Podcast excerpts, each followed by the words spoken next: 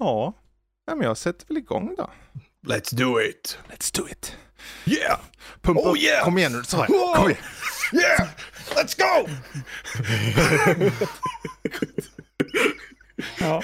Det är bra med energi Max. Ja, men jag är ju Det, så men ta inte i för mycket nu. Ta inte i för mycket. Nej. Sansa dig. Jag vill inte att du, vad heter det, Ja. spränger Ja. din laddning. Jag tänkte det, jag hörde det, hur du tänkte det. Tagga ner. Okej. Mm.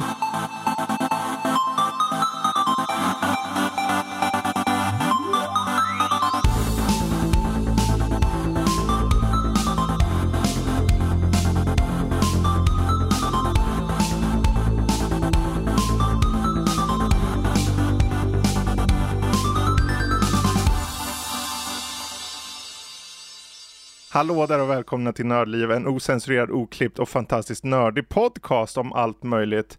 Med mig Fredrik, men ja, även eh, Max och Jesper.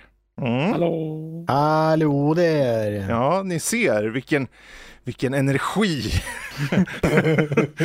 Eh, idag är det ju avsnitt 420. Det är åtminstone jämnt antal. Eh, datumet är inte lika jämnt när vi spelar in där den 23 eh, september 2023.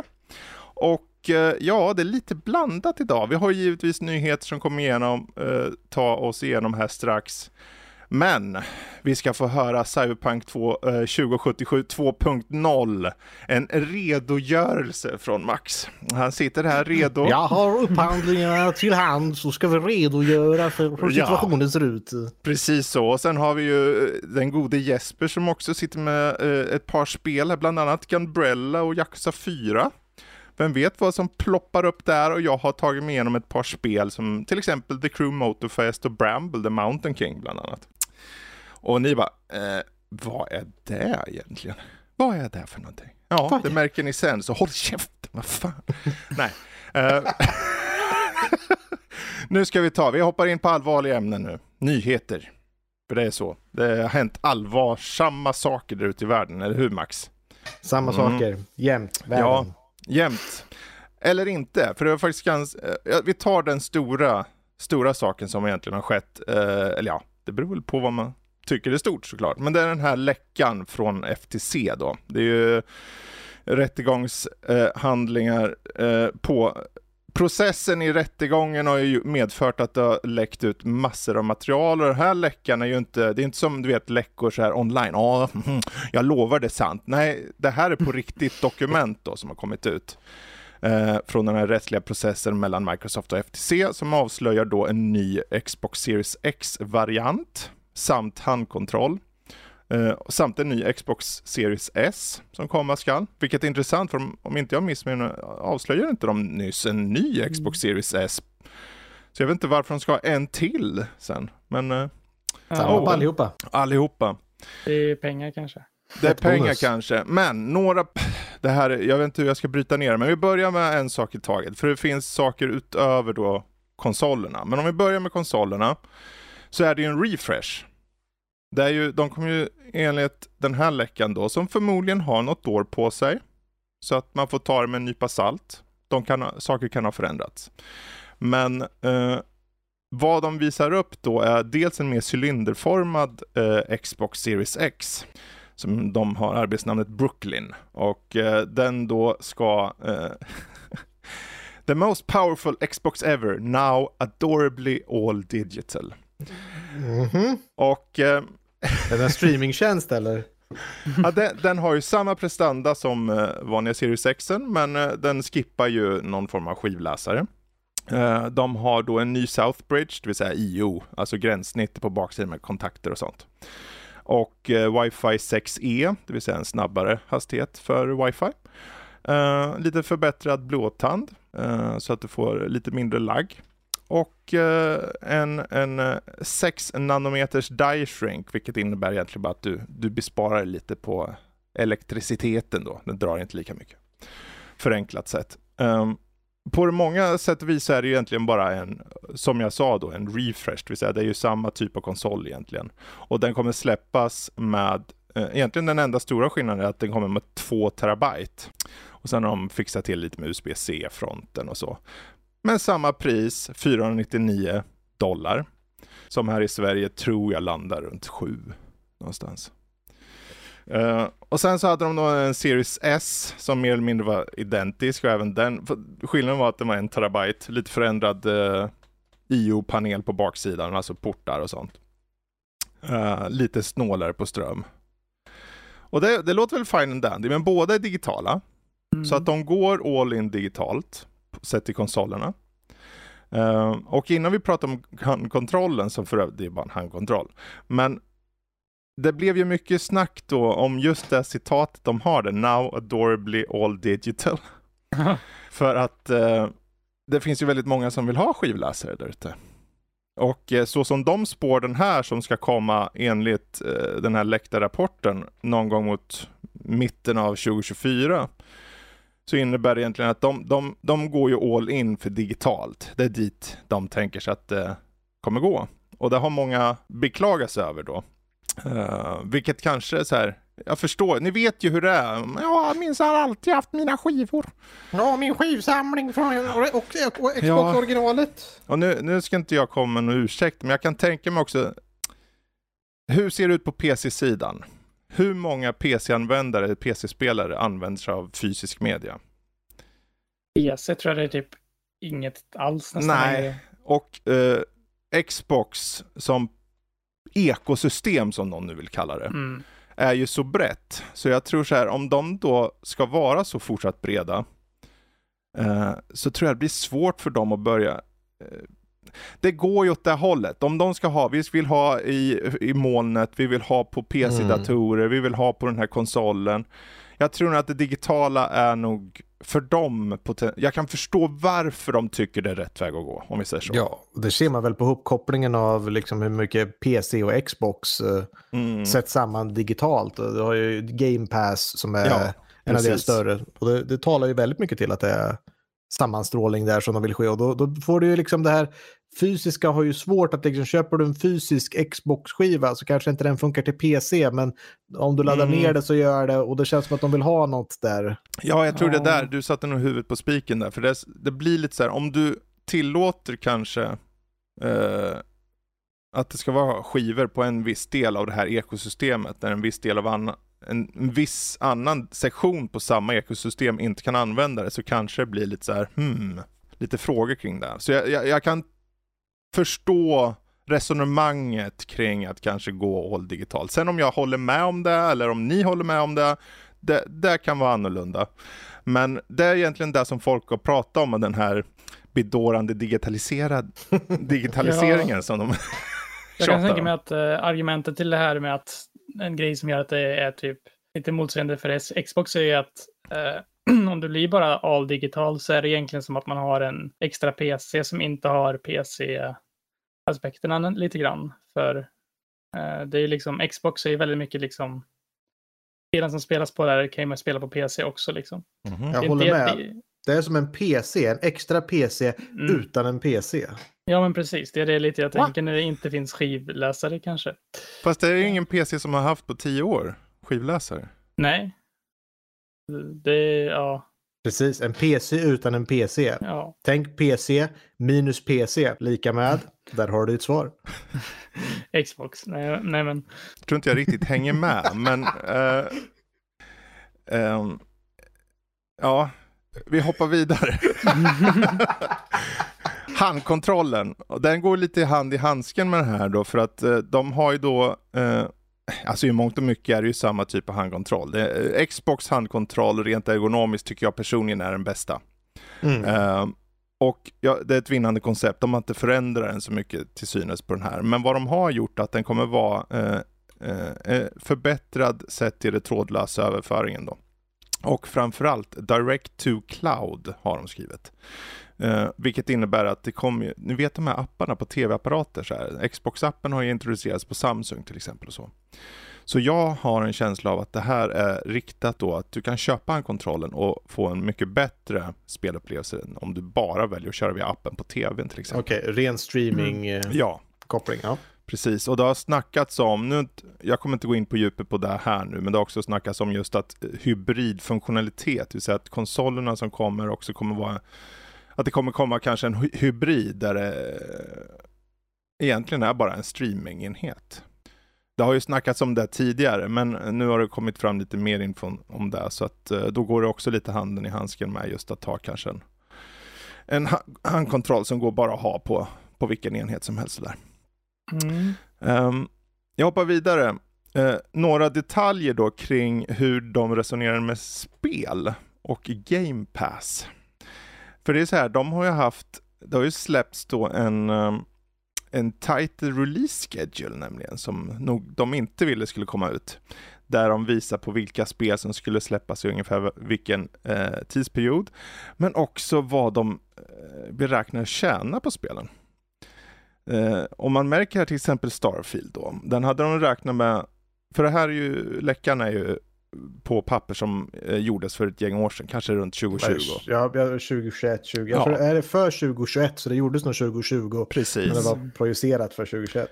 Så att eh, då hade de projicerat eh, Starfield för 600 miljoner dollar eh, att tjäna. Och sen så ser man då att åren efter 200, sen 50 och sen 35 miljoner dollar och så. Så att det är en tydlig nedgång som de eh, prognostiserar då. Um, men de har ett par IPs här. De har nämligen med Dishonored 3. Och eh, för de där ute som gillar Arcane efter de gjorde Deathloop och, och andra spel och framförallt Dishonored-serien så vet jag att eh, det är, var kanske på sätt och vis en kul överraskning att se att det i så fall arbetas på. För den är väldigt eh, uppskattad den serien. Um, men den hade så här 2024 står det i prognostiseringen och det är nämligen i, i det här underlaget så är Starfield prognostiserat till, eh, får se, 2021 tror jag. Så mm. det är ju ett tag. Mm. Så att, att allting är förskjutet ja. nu. Så. Var 2020 tror jag den här kommer ifrån om jag minns rätt. Ja, precis. Ja, precis. Och, det, ja. och det är ju, vi får tänka på att den här är ju, eh, covid-grejerna är ju inte inräknade ja. överhuvudtaget. Det, kom, Nej, det här var ju innan det gick på ordentligt. Så att mm. man tänker ett ett år plus två år kanske. Vi vet ju att Starfield blev försenad ett år. Exakt eh, så. På grund av också att Microsoft gjorde köpet. Så att vi vet ju inte heller hur de här siffrorna, det kan ju vara inför Microsoft-köpet av Befesta. Mm. Mm. Så då kan, du, då kan man ju get ganska höga siffror. Ja, men det här kommer ut snart och titta vad mycket pengar vi kommer tjäna på det här. För de vill se mm. attraktiva ut till Microsoft Precis också. Precis så. Precis så. Och de har ju med här Indiana Jones-spelet planerat. 2022 var det då. Och nu kommer ju det förmodligen inte, det kommer ju komma som tidigast nästa år kan jag tänka mig. Eh, men de har en del så här, det står här, de har ett som bara heter Licensed IP Game uh, och det, det, är ju inte så sexigt i sig, men av någon anledning har de uh, prognostiserat 225 miljoner uh, dollar att tjäna på det. Så mm. antagligen är det ett relativt känt IP som de har köpt in sig där. Och det kan man bli lite nyfiken. Men det roliga här är att de har Fallout 3 Remaster, mm. Oblivion Remaster till mm. exempel med. Oblivion har ju kommit mycket mycket, mycket nu på senare tid precis börjat dykt upp liksom lite rykten om. Mm. Uh, och sen Fallout 3 hade jag inte hört någonting om, men det, om Oblivion är på väg, mm. då kan ju Fallout också vara på väg. Ja, jag har hört det... någonting om typ New Vegas över Fallout 3. Har jag hört. Att det har varit riktat om någon gång finns sen. Men... Det är mycket möjligt. Uh, det är helt förståeligt. Det är ju rätt spel att börja med, med trean där. Det är ju den som kom först, sett till ja. den nya vågen. Och de är ju um, outsourcade allihopa till något annat mm. bolag också som gör det här. Jag tror de skulle göra, alltså, de skulle ändra frontenden om man säger grafiken och allting skulle renderas i Unreal Engine. Men mm. det skulle mm. vara originalmotorn i bakgrunden som kör all logik fortfarande. Precis. Så vi får se. Det som eh, kan ifrågasättas lite huruvida det faktiskt fortsätter att bli ett släpp är ju att de hade med även Ghostwire Tokyo sequel med här. Mm. Uh, men om inte jag missminner mig, 2020, jag vet inte ens om Ghostwire Tokyo hade släppts vid det laget. Jag tror inte det hade gjort det och jag tror det blev uh, ganska svalt. förra året tror jag. Ja, jag tror det var ganska svalt mottagande på det. Så den här sequeln här är jag lite så här, kommer den bli av? De hade inte med Hi-Fi Rush då på listan? Jo, uh, men den är under ett kodnamn. Den precis. är en av dem som är där. Förmodligen. Det finns ju Project Kestrel och det finns uh, den här Licensed IP och sen finns det lite annat. Det Så kan, att, uh, ja, det kan vara någon kan av dem. Men det, det var alla ju fall... en uh, surprise för dem som gjorde mycket bättre än de tänkte. Kanske. Jo, precis. En liten kul uh, goodie liksom. Sen så har vi ju angående då det här med att ta in Game Pass-spel som är en väldigt tydlig process hos dem som också fått sig en liten Mm. läcka. Där framförallt ett spel står ut. Uh, det här spelet som de säger är en Second Run Stadia PC-RPG. I sin estimering om huruvida Baldur's Gate 3 är värt att köpa in. Ja. Det är klart, ingen, har- ingen räknar ju med, det är ju det spelet, eh, det, det är lite som så här come out of the blue-spel sådär, så jag kan förstå, till och med Larian Studios själva har gått ut och sagt att till och med vi, det, det är okej liksom. Men just att de eh, beskrev det som second run Stadia PC RPG säger lite, och de hade typ sagt att vi kan ge er 5 miljoner dollar. Mhm. Idag så efter releasen så undrar de att det är nog en nolla till på den här minst om de skulle försöka få med Mm. den på Game Pass idag. Och sen så är Det så ska komma här, till Xbox i alla fall har de ju sagt. Så att det är ju Ja, inte, precis. inte omöjligt. Inte.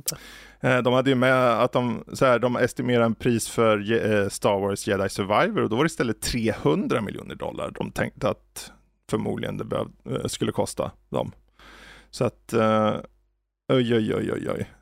Men det här är lite av toppen av isberget och det är avslutande och är det någonting jag missat som ni vill ta upp så säg i så fall. Men Var det något sista... Doom-spel tror jag som de hade. Något Jo, de har med en Doom Zero på den här Ja. Eh, på Zenimax Management Forecasten som släpptes så fanns det också ett Doom Year Zero plus DLC Mm. som planerades för 2023 ursprungligen. Och det var ju tre år fram där ungefär så att den kanske kommer 2025. se. 2025. Det blir ju spännande med tanke på hur eh, kopplat Doom är med musiken. Mm. Och de hade ju jätteskakig relation med i eh, Doom Eternal Kompositören. grejen. Ja. kompositören. Det var ju, han var ju riktigt, det har varit lite bråk däremellan. Minst sagt. Minst sagt. Mm. Eh, Den sista biten här då, det är egentligen bara att nästa generations Xbox-konsoler då, eh, har de då i de här dokumenten sagt att det, eh, det är ju inte en överraskning att det kommer, men att de kommer 2028 och utifrån eh, systemkraven så ser det lite hämmat ut. Eh, de har aspekter som, kan, som Nvidia lanserade för 4-5 år sedan, som eh, modeller då som då kommer 2028 och då blir jag lite så här, för, och, eh, visst, de här dokumenten kom 2020 så att de kan ha förändrat uppdaterat och allting. Men det känns inte som någon riktigt eh, tror på konceptet. Det, kän- eller de, det känns som att det här ekosystemstjatet de har är där de siktar in sig på att nästa Ja. generations konsoler är inte lika viktiga så som det är så länge de får i helheten. Och ja, blir, det är intressant att se. Det känns mycket så tycker jag i alla fall att de tänker inte liksom som Xbox som en konsol längre alls. De tänker det som Xbox Play Anywhere, Mm. Cloud, PC på konsol. Liksom alla tre de eh, delarna är ju typ lika viktiga för dem nu känns det som. Ja. Eh, Ja, eh, hade ni någonting angående FTC-läckan och så som ni ville lyfta eller ska vi gå vidare? Eh, jag hade en grej och det var, Mm. det kom ut ett dokument, lite, eller typ lite dokument och sånt från den här veckan. Och det visade sig att, eh, eh, vad heter det? Är det Nintendo-biten eh, eller? Ja, precis. Mm. Eh, Phil hade skickat något mail till Nintendo, Phil Spencer hade skickat något mail till Nintendo att han ville köpa upp dem eller vad det nu var. Ja, Och eh, det, ja, jo, det är ju ja. en bra eh, fråga om, det, det känns inte som att den skulle, just Nintendo känns svårt tror jag. För eh, det känns inte som att just de skulle vilja bli uppköpta av något annat. Nej, Mm. och jag tror inte, till och med om man hoppar tillbaka ett par år, det är lätt att tänka men idag går det så bra. Men det gick ju bra även då runt 2020, eller när Mm. han skrev det där. Eh, jag läste lite på de där, han skriver ju inte så hårt så. Det Nej. är inte som att hej, jag vill köpa er. Det, det, det är liksom, det går runt där. Eh, Mm. Han kommer runt ämnet, men det är ju det han säger egentligen. Det är det han alltså han är ju en lite sån, jag tror att det är mycket så han för sig liksom att han Mm. säger inte sådana saker liksom rakt ut, men han, han säger ändå det. Liksom. Mm. Så jag tror ju att han vill ju jättegärna ha dem, men eh, det känns inte som att den här, han, det kommer att leda någonstans känns det som, det, utifrån Ja, det här. nej. Hade det lätt, då hade vi hört det för flera år sedan. Ja, Som sagt, det är ju tre år gamla läckor det här egentligen. och Nintendo känns ju verkligen inte som att de de känns ju fortfarande väldigt självständiga så sätt. Ja då, absolut. Speciellt när det ryktas om ny konsol nästa år och Nintendo nu efter Wii U-eran har hämtat mm. sig väldigt mycket med switchen och försäljningssiffrorna och de, ja. Precis. Precis. De behöver inte egentligen köpa sig på någon för att klara sig direkt. Bra, men vi hoppar vidare för jag har en, ett par snabbisar.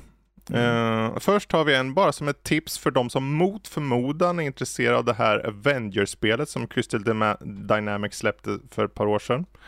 Uh, det gick ju käpprätt åt helvete för spelet. ja, snällt sagt. Uh, och eh, från och med den 30 december så överger de spelet. Det, det in, innebär egentligen att det kommer sluta säljas i digital form på Playstation, Xbox och Steam. Och i och med det så har de 90% rabatt på Steam just nu fram till sista.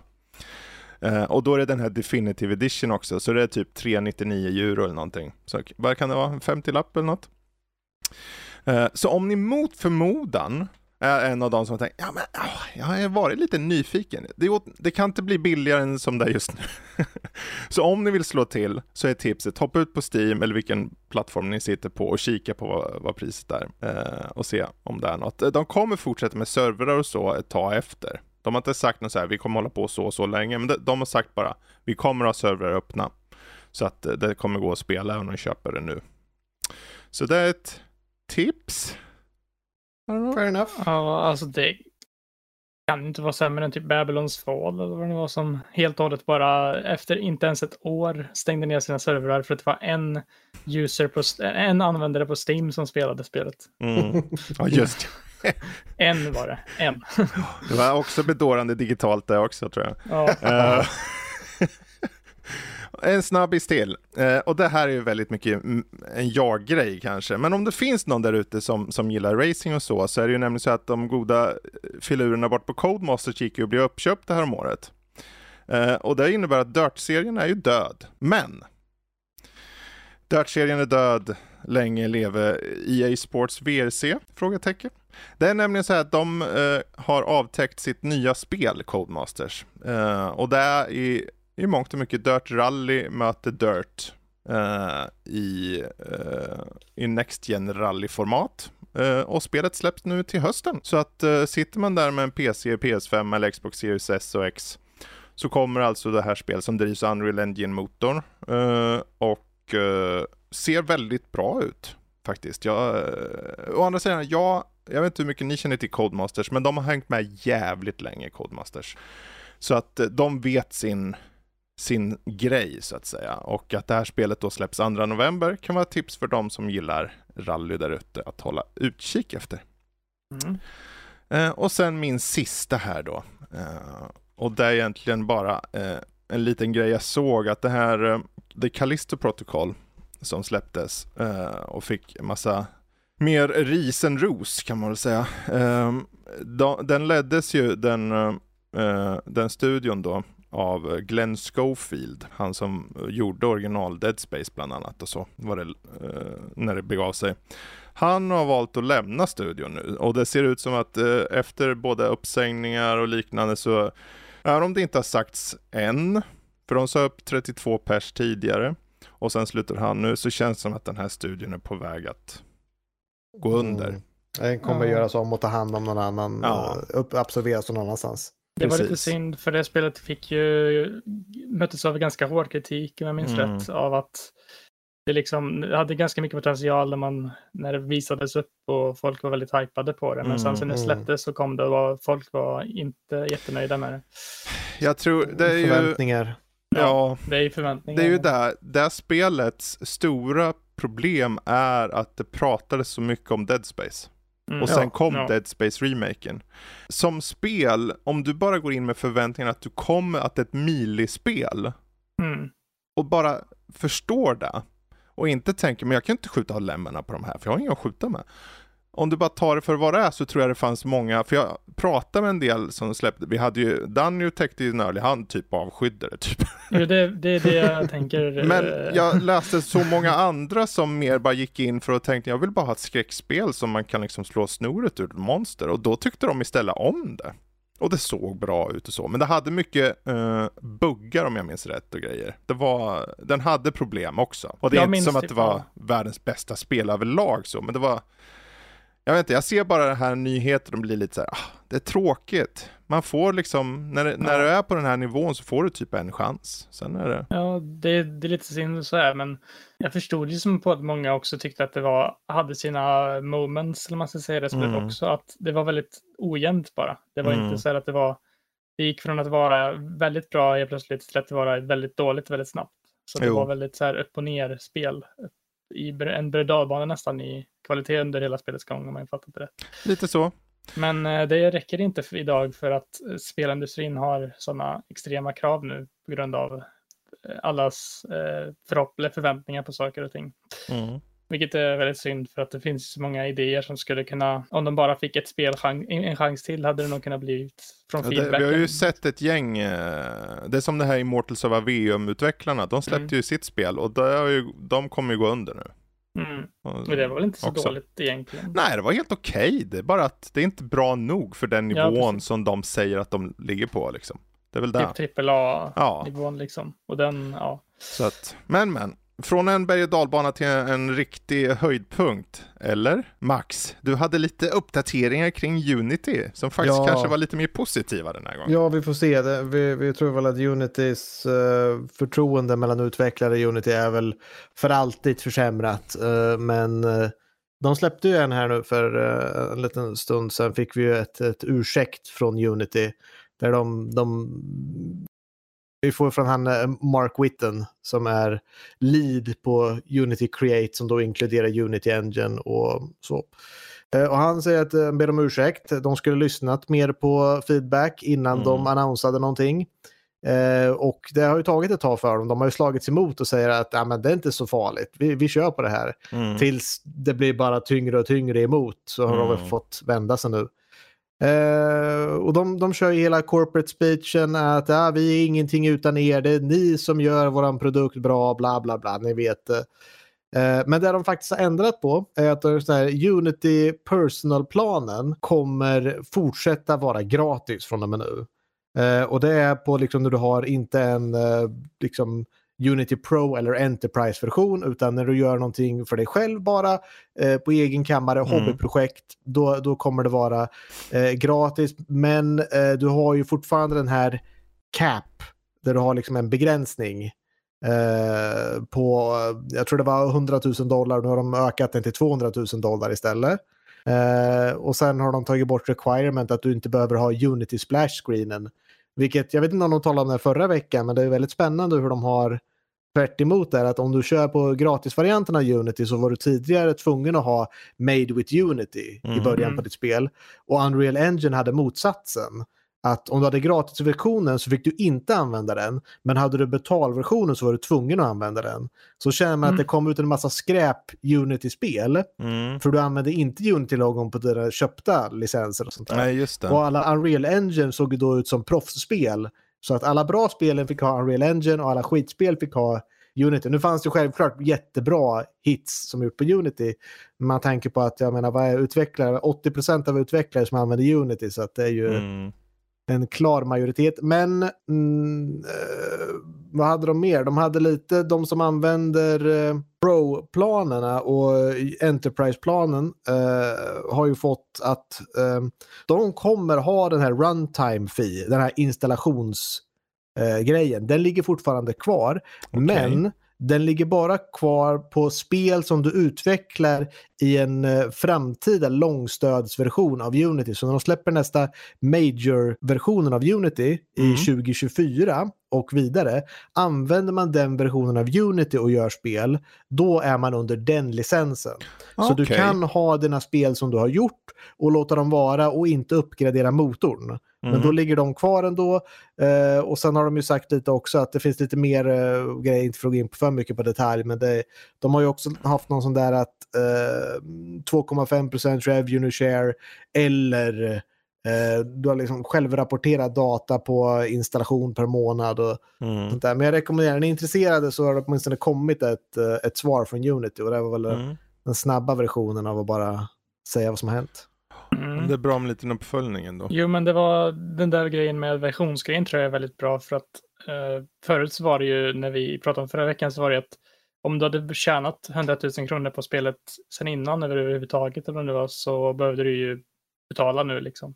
Ja, ja men det Men var ju från verkar det som som att senaste de- tiden ja. Ja, men nu verkar det som att man ifall man behåller versionen av den och sånt så kanske man inte behöver det alls då. Ja, det var ju hemskt förut, men det Ja. talade de säkert om förra veckan också med hela det här hur det kan... Eh, det gäller ju, jag menar även om du tar bort ditt spel från första januari där det här Ja. skulle börja gälla, så nu säljer vi inte jag det här spelet längre. Folk som fortfarande äger spelet eh, på Ja. Steam till exempel kan ju avinstallera och installera det igen fortfarande, Mm. även fast du har slutat sålt det och då blir du skyldig pengar. De hade ju Ja. hela Microsoft-biten med liksom, men det här är alla Unity-spel på Game Pass. Tror vi verkligen att Microsoft kommer betala för varje installation? Eh, De kommer de ju säga emot. Så att, Ja, det, alltså, det gick inte ihop alls det nej, som var jag tror de, förut, fick, så det, eh, de säger att vi lyssnar på folket, men jag tror- tror de fick från högre upp. Mm. Ja, alltså det måste det ju varit för det där är ju inte ens rättsligt liksom. Tycker jag. Nej, och det, de, eh, ja, det finns mycket att diskutera där. det har Mycket. redan Vi går om. vidare. Vi går vidare. Eh, Jesper, hade du någon nyhet Ja. som du ville lyfta? Eh, jag hade lite om lite olika grejer. Mm. Eh, en liten mer lokal nyhet kan vi ta. Lokal också nyheter med Jesper. sp- Spelbranschen också. Eh, men det är att svenska MindArk, eh, vad heter det, håller på att ersätta utvecklare med AI. Eh, Okej. Och de säger att, då att bandesigners är överflödiga och att 40% av personalen får gå. Eh, det är ett Göteborg-baserat eh, företag. Eh, Vet du vad de gör för spel? Eh, För de gör en bra- ett spel nämligen som har funnits sedan millenniumskiftet som är ett... Eh, ah, jag kommer inte ihåg vad det heter nu, men de har ju de som... Jag har för mig att det är de som gör det här spelet. Eh, man kan se ads på det ibland. Eh, Entropia kolla- Universe står det här. Precis, och det, jag har för mig att det är ett sånt där sci-fi-spel som är Second Life, det där att du köper saker i spelet för riktiga pengar. Men eh, ja... Vad hette det- den sa du? Entropia Universe. eh, Entropia. Mind, eller heter spelet och Mind Ah, Ark okej. heter utvecklarna. Ja, och de har Men, funnits eh, som ja. sagt innan millenniumskiftet med det här spelet. Ja. Eh, De säger i alla fall, genom att använda AI kommer teamen kunna ta sig an utvecklingen på ett tidseffektivt sätt. Denna på- pågående omställning har, vi, har inte varit utan utmaningar, inklusive det tuffa men nödvändiga beslutet att skiljas från en av våra delar, delar våra medarbetare. Kan vi byta ut Max till en AI? Ja, Hur vet du att jag inte är en AI? ja, det är också en bra fråga. Spenderat Kanske månader... digitaliserad och bara- även du också bedårande. Mm. Ja, eh, det står här också att Mindark bildades 1999 och att först, eh, företagets enda titel är med MMORPG Entro- Entropia Universe som förut var Project Entro- Entropia och att man kan köpa saker för riktiga pengar i spelet. Så det är ju ett företag som har en redan lite shady business. Eh, Det har varit där när du tittar på Shade, när du tycker att det där är ingen länk till ett riktigt spel, det där är en Mm. scam. Det är oftast Ja. den spelet, så att jag kände igen namnet, men jag visste inte att det fanns på riktigt ens. Så att, eh, Ökänt. Men det är i Li- alla lite fall, så. ja, det är i alla fall en, eh, en lite så här, vad är, är det här vet du, framtiden för spel? Att många jobb nu, typ programmerare och liknande, kommer att ersättas med AI eller är det bara så här? Eh, För det är ju någonting som inte har sett så jättemycket förut, att folk ersätter. Eh, Det är väl det, det, ja. det är ju det- ja. svårt med utveckling för att det är svårt att stoppa den. Samtidigt är det så här att nu, vi har ju sett i USA just angående st- strejkerna i, i, i filmvärlden där, i Hollywood. Ja. Och eh, där har ju encroachat nu på att de vill ju, om de inte redan har börjat med en, en strejk även för uh, spelutvecklare sett till Ja. röstpersonal, eh, eller vad man kallar det, Voice actors. voice actors. Så att, eh, och det, ha, det handlar ju mycket om AI där också. Ja, Eh, så att eh, förhoppningsvis hittar de ett sätt att eh, en bra balans i det. För det där, jag, jag, jag, jag skulle inte säga att jag tror att de kan ta bort det. Så här, nu ska vi aldrig ha AI någonsin igen på det här sättet. det kommer inte typ- kunna gå. Men att, att de hittar ett sätt som, som gör det tolerable. Liksom. Ja. Men det, ja. det är i alla fall det om det företaget. Det var ju ett företag som inte var, eller de har ju bara gjort ett spel och så. Då. Eh, vi kan gå tillbaka lite till Xbox faktiskt. För Mhm. att det, det här har inte med Xbox-läckan att göra, utan det här var ett Xbox hade en digital broadcast på Tokyo Game Show nu som håller Just eh, ja. hus i helgen. Eh, det är ju nämligen en stor, en av eh, världens största spelmässor håller på just nu i Tokyo där många utvecklare och publishers eh, åker och ställer ut sina spel. Det, lite olika saker de utannonserade där. För de som är intresserade av foto, så Forza Motorsport så hade de visat någon ny bana som heter Hakon Circuit. Mm. Eh, Fallout 76 får Atlantic City-uppdatering om någon bryr sig om det spelet fortfarande. Uh, Elder Scrolls Online får någon, uh, att det kommer bli local, local, localized, eller vad säger översatt till japanska. Mm -hmm. Det är inte så viktigt för oss, men en sak som kanske är ganska stor för uh, många här är ju att Ace Attorney-trilogin, den originella Ace Attorney-spelen, kommer komma till Xbox Game Pass nu den 26 september. För de som vill ha lite Phoenix Wright Ace Attorney-klassiker. Se där, se där. Sen var det ett spel som jag tyckte såg ganska intressant ut som heter Alfeia The Wrath of Aferi som är något indie Låter japanskt. Låter superjapanskt. Nej, det är inte japanskt. Det är, det är någon, ja. Det är utvecklat av två bröder i alla fall från något, um, jag tror det var något spanskt land eller någonting. Mm -hmm. uh, okay. Och eh, det är, det är i alla fall väldigt inspirerat av Lite hommage Haya, där kanske. Hayao Miyazaki-filmer och Mamoru Hosoda-filmer. Och det är ett liksom pussel combat-spel. Man använder två karaktärers äh, vet det, minds för att gå vidare med pussel. Mm, mm. Men det kom, där har man inte sagt någonting om datorn på, men det kommer till Xbox och PC i alla fall. ja, det var en ny trailer på Euden Chronicle 100 Heroes och sen um, Exoprimal, det här uh, spelet som Capcom utvecklar med dinosauriehords och grejer. Uh, ska jo. få en säsong två med lite Street Fighter 6 DLC. Uh, 18 oktober. Uh, de avslutar med en grej som kanske kan vara lite av intresse för några också. Det är att uh, Duda 51 som är, uh, vad heter det? Konstig ja, speciell person som utvecklat bland annat No More Heroes-spelen eh, och är det Lollipop Chains och tror jag. Ja, eh, har gjort eh, tillsammans med någon annan eh, spelutvecklare som är väldigt känd tydligen som heter Sweary 65. Eh, ett spel som heter Hotel Barcelona. Ja, just det. ett, ja. ett 2D eh, hack and slash som är väldigt inspirerad av 80-tals skräckfilm. Mm. Eh, med massa olika referenser för bland annat The Shining och eh, många andra liknande filmer. Eh, tycker det såg lite så här halvdant ut själv, men det kan ju definitivt vara någonting för många. Ja. En, en annan highlight för kanske kan vara att um, två stycken Like a Dragon-spel. Uh, like a Dragon-guiden, uh, Man Who Raised His Name, som släpps nu i november, uh, 9 november, kommer komma till Game Pass dag 1. Uh, samma sak, uh, det, det är redan kommit ut då, men uh, Like a Dragon Ishin, uh, Samurai Like a Dragon-spelet kommer också till Game Pass. Och ja, Precis. det var väl de. Och sista grej kanske var att eh, Octopath Traveler 2 nu kommer till eh, Xbox. Eh, som tidigare var Playstation och Nintendo exklusivt om jag minns rätt. Mm. Ja. Lite blandat där i alla fall. Ja. Eh, sen eh, det var lite andra nyheter från ehm, vad heter det?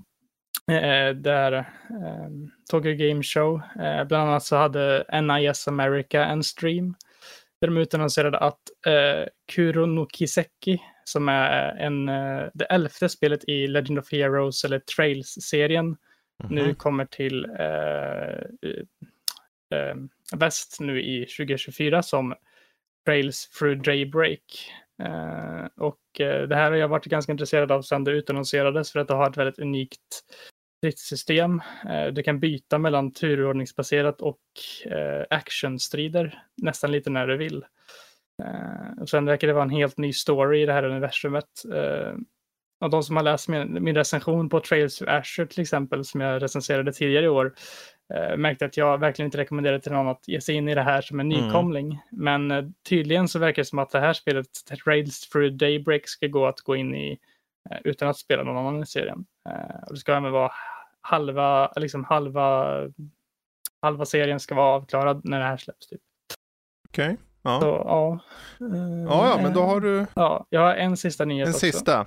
Ja, de hade även på invigningen av Tokyo Game Show så hade de eh, en Excellence Award-utdelning. Och det spelet som vann deras Excellence Award var Cineblade Chronicles 3. Mhm. eh, som ni säkert känner till att jag är väldigt förtjust i.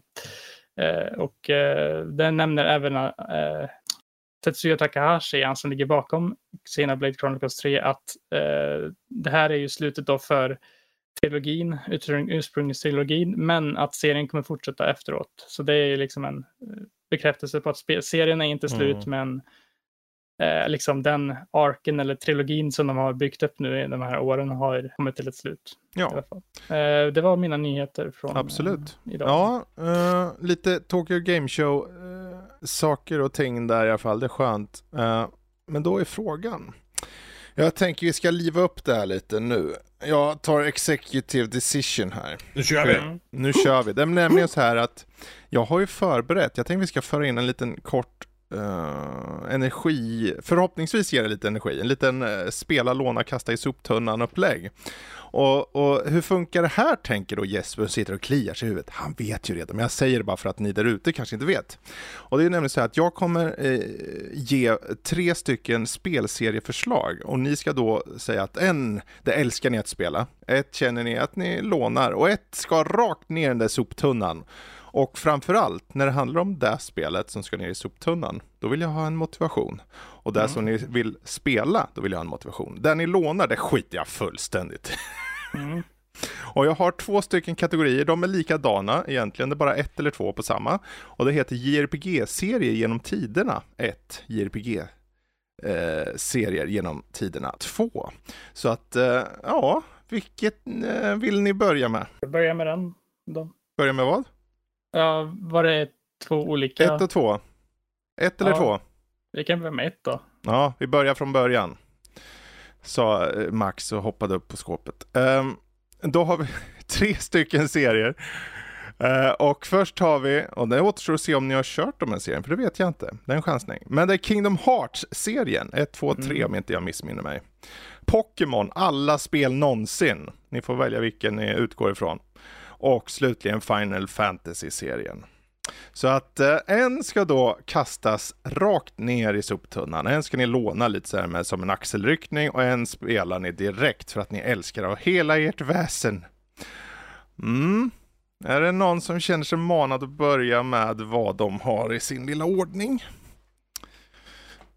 Mm. Ja, jag tar Max här då, för han ser så finurlig ut. Det, det är ju nästan svårt. Jag menar Pokémon, du har gameplay och de andra har du story blandat. Men det måste, jag måste ta eh, igen, detta är min personliga Mm. eh, Ja, ja, ja, herregud, lista det vet alla, eh, det vet representerar inte Nördlivs officiella titel tänkte jag säga. Bara för Eh, du säger kommer jag ju säga att det kommer vara den. Och nej, Ja, jag är där, Max Nördliv 2023. representera Nördliv 2023. Ja. Ja. Officiella. Eh, ja, jag vill säga att vi ska ju spela Final Fantasy. Det måste Varför jag på, på pure Mm. nostalgia och Okej. variation. För du säger Final Fantasy. Mm, Det menar single player och MMOs. precis så. Och du har precis mycket så. där. Men du har ju gamla fightingspel på PSP som också är Mm. lite underrated. Så det finns mycket där. Eh, och jag skulle nog i så fall låna Pokémon. Ja, För att eh, visst, det går alltid att spela, men eh, det finns har alltid funnits där. Och, ja. yes. Den kan vi skita i. Kasta blir ju Kingdom Hearts och första Varför Kingdom då? Heart är ju bra. Och menar, konceptet Final Fantasy och Disney ihop är ju en upplevelse om inget annat. Men eh, när det kommer till den komplicerade storyn så behöver du ju ta med tusan se ut som en galen person som har satt liksom röda trådar på en whiteboardtavla för att försöka förklara att de inte är galna när de förklarar storyn. Och jag har spelat galna liksom, fighting-spel-stories Mm. som inte make sense överhuvudtaget. Och jag har hört att Kingdom Hearts är värre. Så att... Eh, Ja, men det är bra. Du gav lite kött på benen där. Kort och koncist. Lite benkött. Ja, lite benkött. Vi hoppar Mm. över till Ja. benköttet Jesper. Vad säger du? Jag tror jag kanske, jag kommer inte kommer på vad jag ska säga nu. Men eh, jag tror jag kör på samma på köp som du där med Final Fantasy. Mm. För Final Fantasy har så otroligt mycket variation i sin eh, spelserie. Det är liksom allt från turordningsbaserade RPG till action-RPG. och Något för alla smaker blandning helt och- enkelt. Ja, lite Mm. för alla där. Eh, och dessutom har jag inte kört alla Final Fantasy än, så det finns ju många där jag kan tänka mig att köpa och köra någon Mm. gång. Eh, så tror jag faktiskt, det här hade varit helt annorlunda för typ tio år sedan, men eh, jag tror jag faktiskt säger på kasta faktiskt Pokémon nu. För att jag tycker att Pokémon har blivit så stelt i sitt koncept. Det känns som att de verkligen tappat sin själ lite grann med Mm. de senaste spelen på switchen. Eh, opolerade spel som behövdes egentligen typ två, tre år till innan de släpptes och sånt. Så det känns lite som att Pokémon har tappat det lite tyvärr. Mm. Eh, men jag tycker ju att original, även en, ja. Eh, och då Kingdom Hearts på eh, hyr för jag tycker att det är roliga spel i gameplay. Men som du säger, alltså storyn är ju, går ju inte riktigt ihop egentligen. De eh, ser emot sig själva nästan lite grann. Ja, ja Men, där har vi. De ultimata svaren var den, den slutgiltiga fantasin i slutändan. Då. Ehm, så vi tar och river av JRPG-serier genom tiderna två också innan vi går Mm. vidare till vad vi har spelat. Nummer två för 800 poäng. För 7313 poäng Mm. så har vi Persona-serien, Nier-serien, typ. Allt som heter Nier i alla fall. Och sen Yakuza-serien. Så eh, en serie ska alltså rakt ner i soptunnan, köttkvarnen rakt av. En ska älskas och spelas och en ska ner lite med en axelryckning låna. Så Persona, Nier och Yakuza. Vill eh, Jesper börja den här gången? Ja, Jag vet i alla fall vilken min eh, köpa är. Mm. Eh, för att Nier är en av mina favoritserier. För jag tycker att de är väldigt bra, de spelen som finns. Det är ju två stycken. Eh, eller tre om man räknar med originalet. Mm. Jag tycker att musiken i dem är en av de bästa soundtracksen i spel eh, som jag har hört. Typ. Men eh, Nier i alla fall på köp. Sen är det svårare med de andra två, för jag tycker att de gör både bra och dåligt. Men om man ska se på alla spel i hela serien så skulle jag nog säga eh, ja, det är en jättebra fråga. Eh, Det ska vara svårt. ja, Jag vill se er grillas. jag skulle nog ändå säga Persona på hyra och Ja. Yakuza på slänga. För jag tycker att Låna den, kasta Eh, den. ja, för per- Yakuza är ju, jag vet inte, jag har inte kört, all, jag har ju kört en del av dem nu som jag kanske kommer att prata om senare, men jag känner Mm. ändå att Persona har någon lite mer grej i, i sig liksom som är, ja. Men eh, ja, Mm. det är väl min... eh, Då har ja. vi svaret. Det ultimata svaret från dig. Jag hoppar över till Max. Och Max ultimata svar är på spelarplats säger vi ner. Mm. och jag skulle säga med musiken är en stor del av det och sen har du ju karaktärsdesignen som inte Mm. går att eh, frånse vare sig man vill eller inte. Eh, och nu kommer vi till det svåra här och jag går nog faktiskt och byter ut den. Jag skulle Jaha. nog, jag, jag hyr nog faktiskt Yakuza för att det har nog lite, det har en charm i sig, det har en själ. Men den har för, li- lite för mycket filler däremellan. Det är som Mm. en eh, föråldrad anime-serie. Det finns en bra grundstory och den har riktiga hö höjdpunkter. Eh, men den är ju så jäkla seg emellanåt. Alltså, det är ju en helt annan pacing. Eh, Oj, oj, oj. Vad, men vad har eh, du då, då, kommer vi på? till Persona som då blir att kasta. Och jag tror det är lite med Persona gör sin grej. Mm. Det är mer nischat. Du behöver eh, eh, läsa en hel del, följa med i dialoger. Eh, det är ju relationer du ska bygga och sen är det turbaserat. Det gör det jättebra sin grej.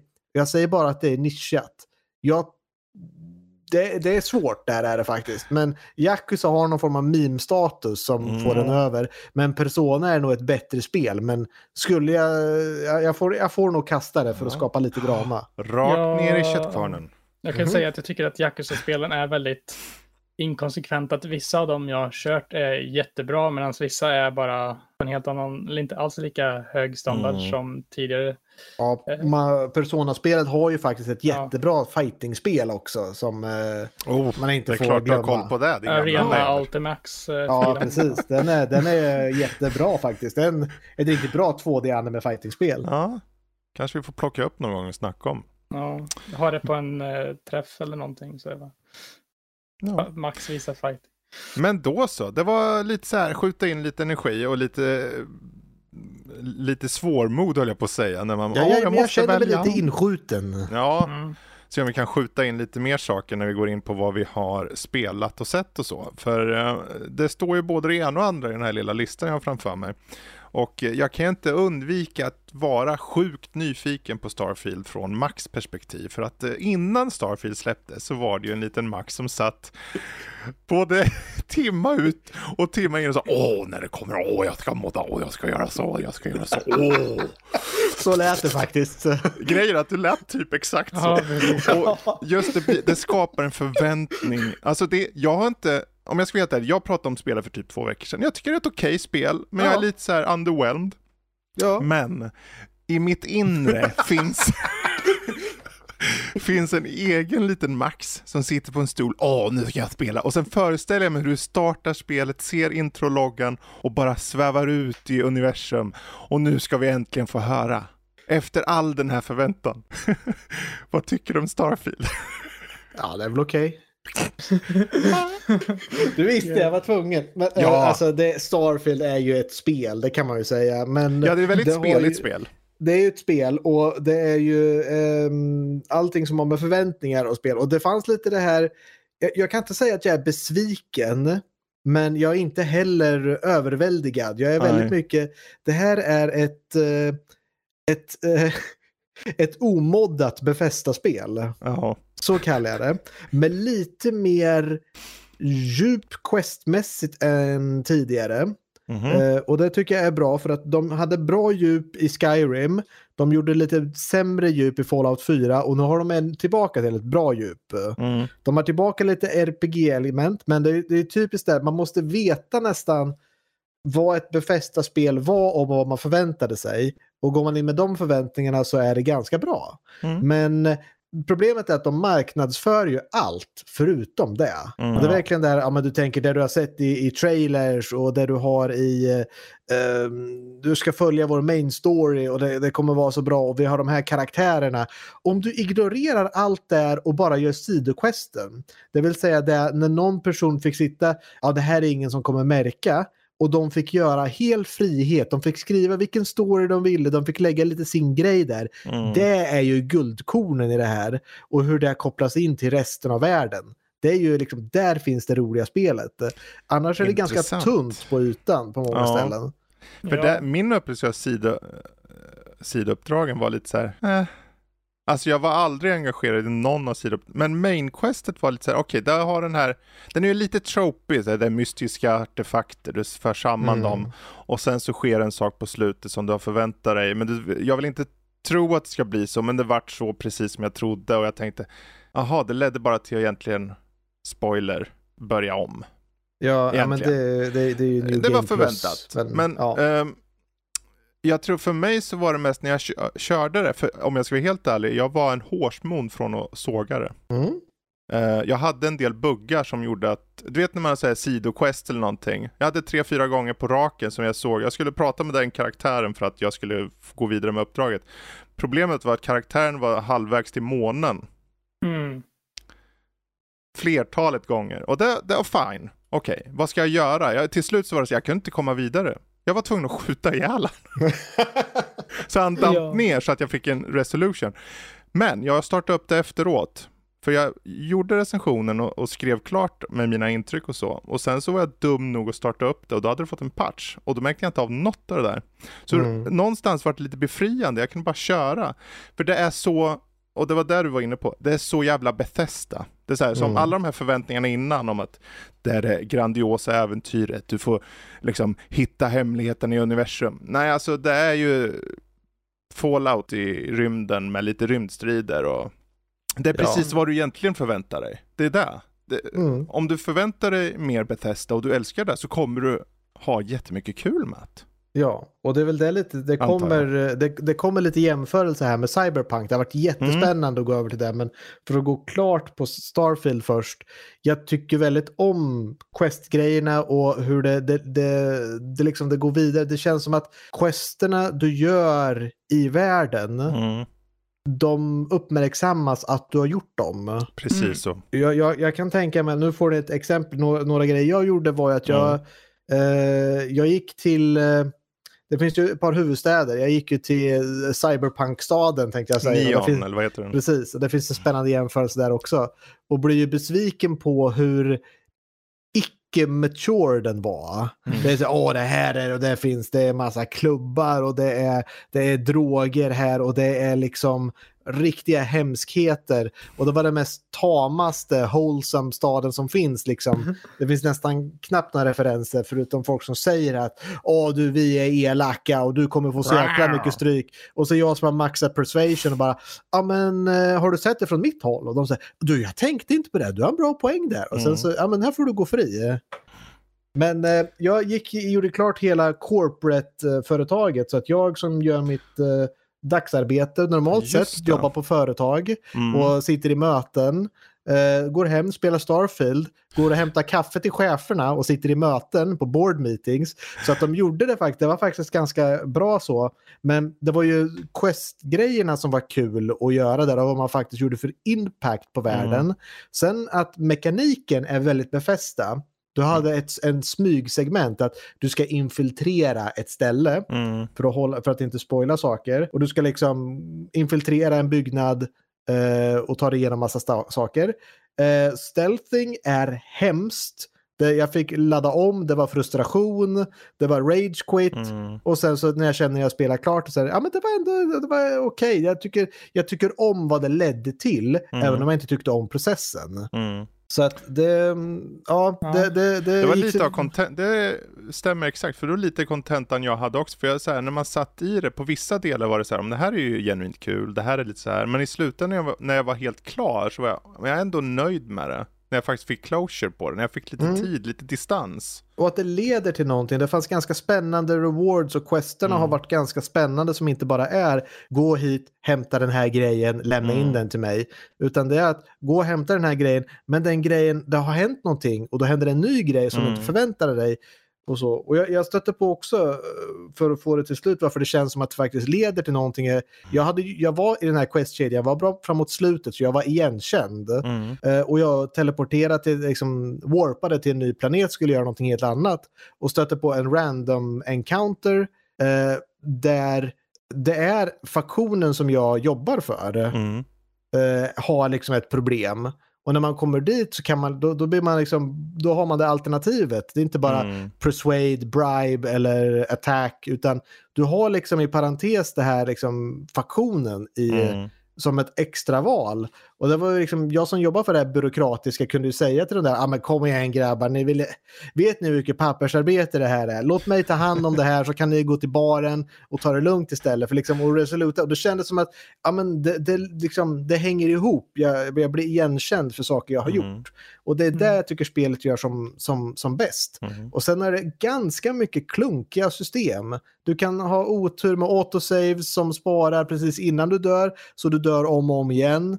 Du kan ha Mm. som är för långt emellan. Jag tappade massa, något ställe jag hade gått igenom någon bas och jag kör ju lockpicking så jag hade lockpickat massa master och expertlock och Mm. jag hade gjort massa inventory management och sen teleporterade jag ut i, i, i rymden och hoggade till en ny planet och tänkte nu är det dags för nästa äventyr. Mötte några jättestarka rymdskepp som bara krossade mig Mm. och min reload var på min autosave som var när jag kom in i det här byggnaden som jag hade lockpickat och inventory management emellan och då var det bara, "Nej, jag måste stänga ner och sen går jag tillbaka till det här nästa dag istället. Ja, och den lockpickingen, jag gillar inte den i spelet. Jag, Jag, har tycker kört, den är okej. Ja, jag har kört spelet i typ tre timmar lite- eller någonting. Mm. Eh, eh, och jag var ju med om det där du sa med att jag dör och så sparar den och så dör man Ja. om och om igen. Och där, jag hade typ gjort något, för i början är man ju väldigt bunden till typ main questet med eh, constellation och sånt om man ska flyga med dem. Det var typ i den här eh, cowboystaden där man ska typ infiltrera Mm. något ställe, någon bar Ja. eller vad det nu var. Och så var det bara typ så kommer det någon random snubbe som hade jagat, jagat mig och skö, sköt mig i bak. Och sen så bara jag dog precis när jag skulle prata med en person som det sparades då.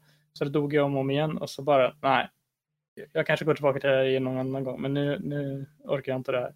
så bara, jag har inte kört det sedan dess. Men det känns väldigt mycket som Skyrim och liksom befästa spel av det jag har kört. Ja, nej men det, det jag skulle... Jag skulle hålla med om att det är, det är ett befästa spel, through and through. Och jag skulle, det är mycket bättre än Fallout 76, men Mm. det är inte, det, det finns, från en gameplay design-sida, liksom game liksom spelutveckling, Mm. så tycker jag att det finns jättemycket spännande saker man skulle kunna göra med det här. Och det har ju lämnat väldigt stort öppning för moddare. Mm. Jag ser redan de som har startat sina samlingar av mods, att det här är min modsamling och de kommer jag hålla uppdaterad.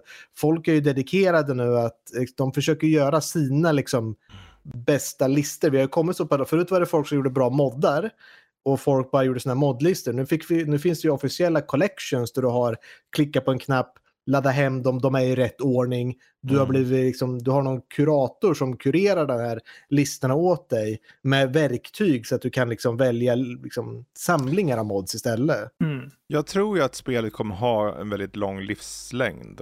Eh, just på grund av moddandet. För det är ju någonting, där ska man ju ändå ge en eloge till Bethesda tycker jag. För att eh, på något sätt så är ju spelet, det är ju, eller på något sätt, det är ju utformat för det. Det känns verkligen som Mm. det. Det, det, är så här, det här kommer få extra mycket liv och det kommer få massor med extra saker och så. Och sätt att påverka din spelupplevelse. Så jag, jag tror att det kommer finnas en bra livslängd och kanske till och med när det kommer, om det kommer DLCs och grejer så kommer det lyfta ännu mer. Ja. För det finns punkter i det och jag tror det finns, eller punkter, det finns saker i det som jag tycker är värda att lyfta. Eh, och att variationen av de saker som finns som är positiva kan vara positiva för en person med den här saken och en person för den här saken. Som rymdstriderna, någon kanske gillar det och någon Mm. kanske inte gillar det. Men om du inte gillar det så finns det alltid någon annan session av spelet Ja. det narrativa, utforskandet, eh, letande efter artefakter och så om du inte gillar en specifik del så finns det alltid något. För jag byggde inte ett skit egentligen. Jag byggde Jag mot slutet, testade Mm. lite och kände nej, ja, ja, det finns andra spel som gör det här bättre, som gör Ja. det här mer Ja. intressant. Det kändes nästan lite krystat, men jag tänkte samtidigt, om jag sett på, jag såg på YouTube vissa som gjorde det, om så här kan du göra så här. Och jag tänkte, ja fan, man kan få det ganska coolt. Så de som vill och de som går in för det och vill ha lite av helheten av Starfields skjutan med banditer i rymden, rymdpirater och, och också en bas någonstans, då kan det vara ändå kul tror jag.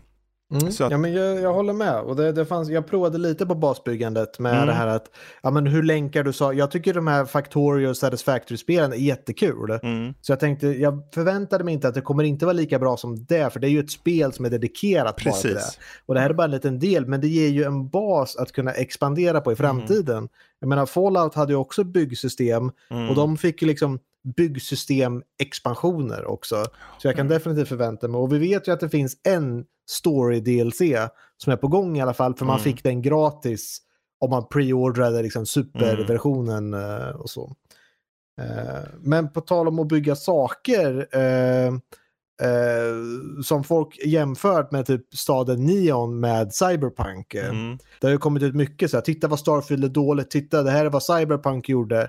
Mm. Och det är väldigt utvalda grejer som de säger att ja men det här är ju, titta vad dålig Starfield är på det här. De kastar granater som exploderar under vatten och sånt där. Och titta vad mycket Mhm. bättre det är i, i Cyberpunk än i Starfield. Men det är ju så kurerade saker som är, som är gjorda för att Ja men det är ju Starfield ska se äpplen och dåligt päron ut. också, ett, Ja, två olika det- typer av spel. Det tycker jag är Ja. dumt att jämföra med. Alltså Ja. de jämför ju liksom eh, vad, alltså det är folk på typ Twitter och liknande som jämför typ Starfield med press, pressvideor från Spider-Man 2 och typ säger eh, Xbox, eh, eller Xbox är dåligt, Playstation är bra. Typ så bara, ja, Mm. det, det är inte ens närheten av samma. Nej, typ det, det, är liksom, det, det, det är nästan bara ett skämt. Men Ja.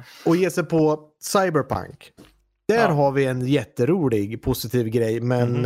eh, ja, Jag tänkte om vi ska ta na- låta det få ta en paus, för jag, innan vi går från Starfield, jag var nyfiken på, finns, vilka typer av segment i spelet uppskattar du mest? För för mig så är det skjutandet märkligt nog, till skillnad Jag från tycker vissa det, andra. är, det ska jag säga.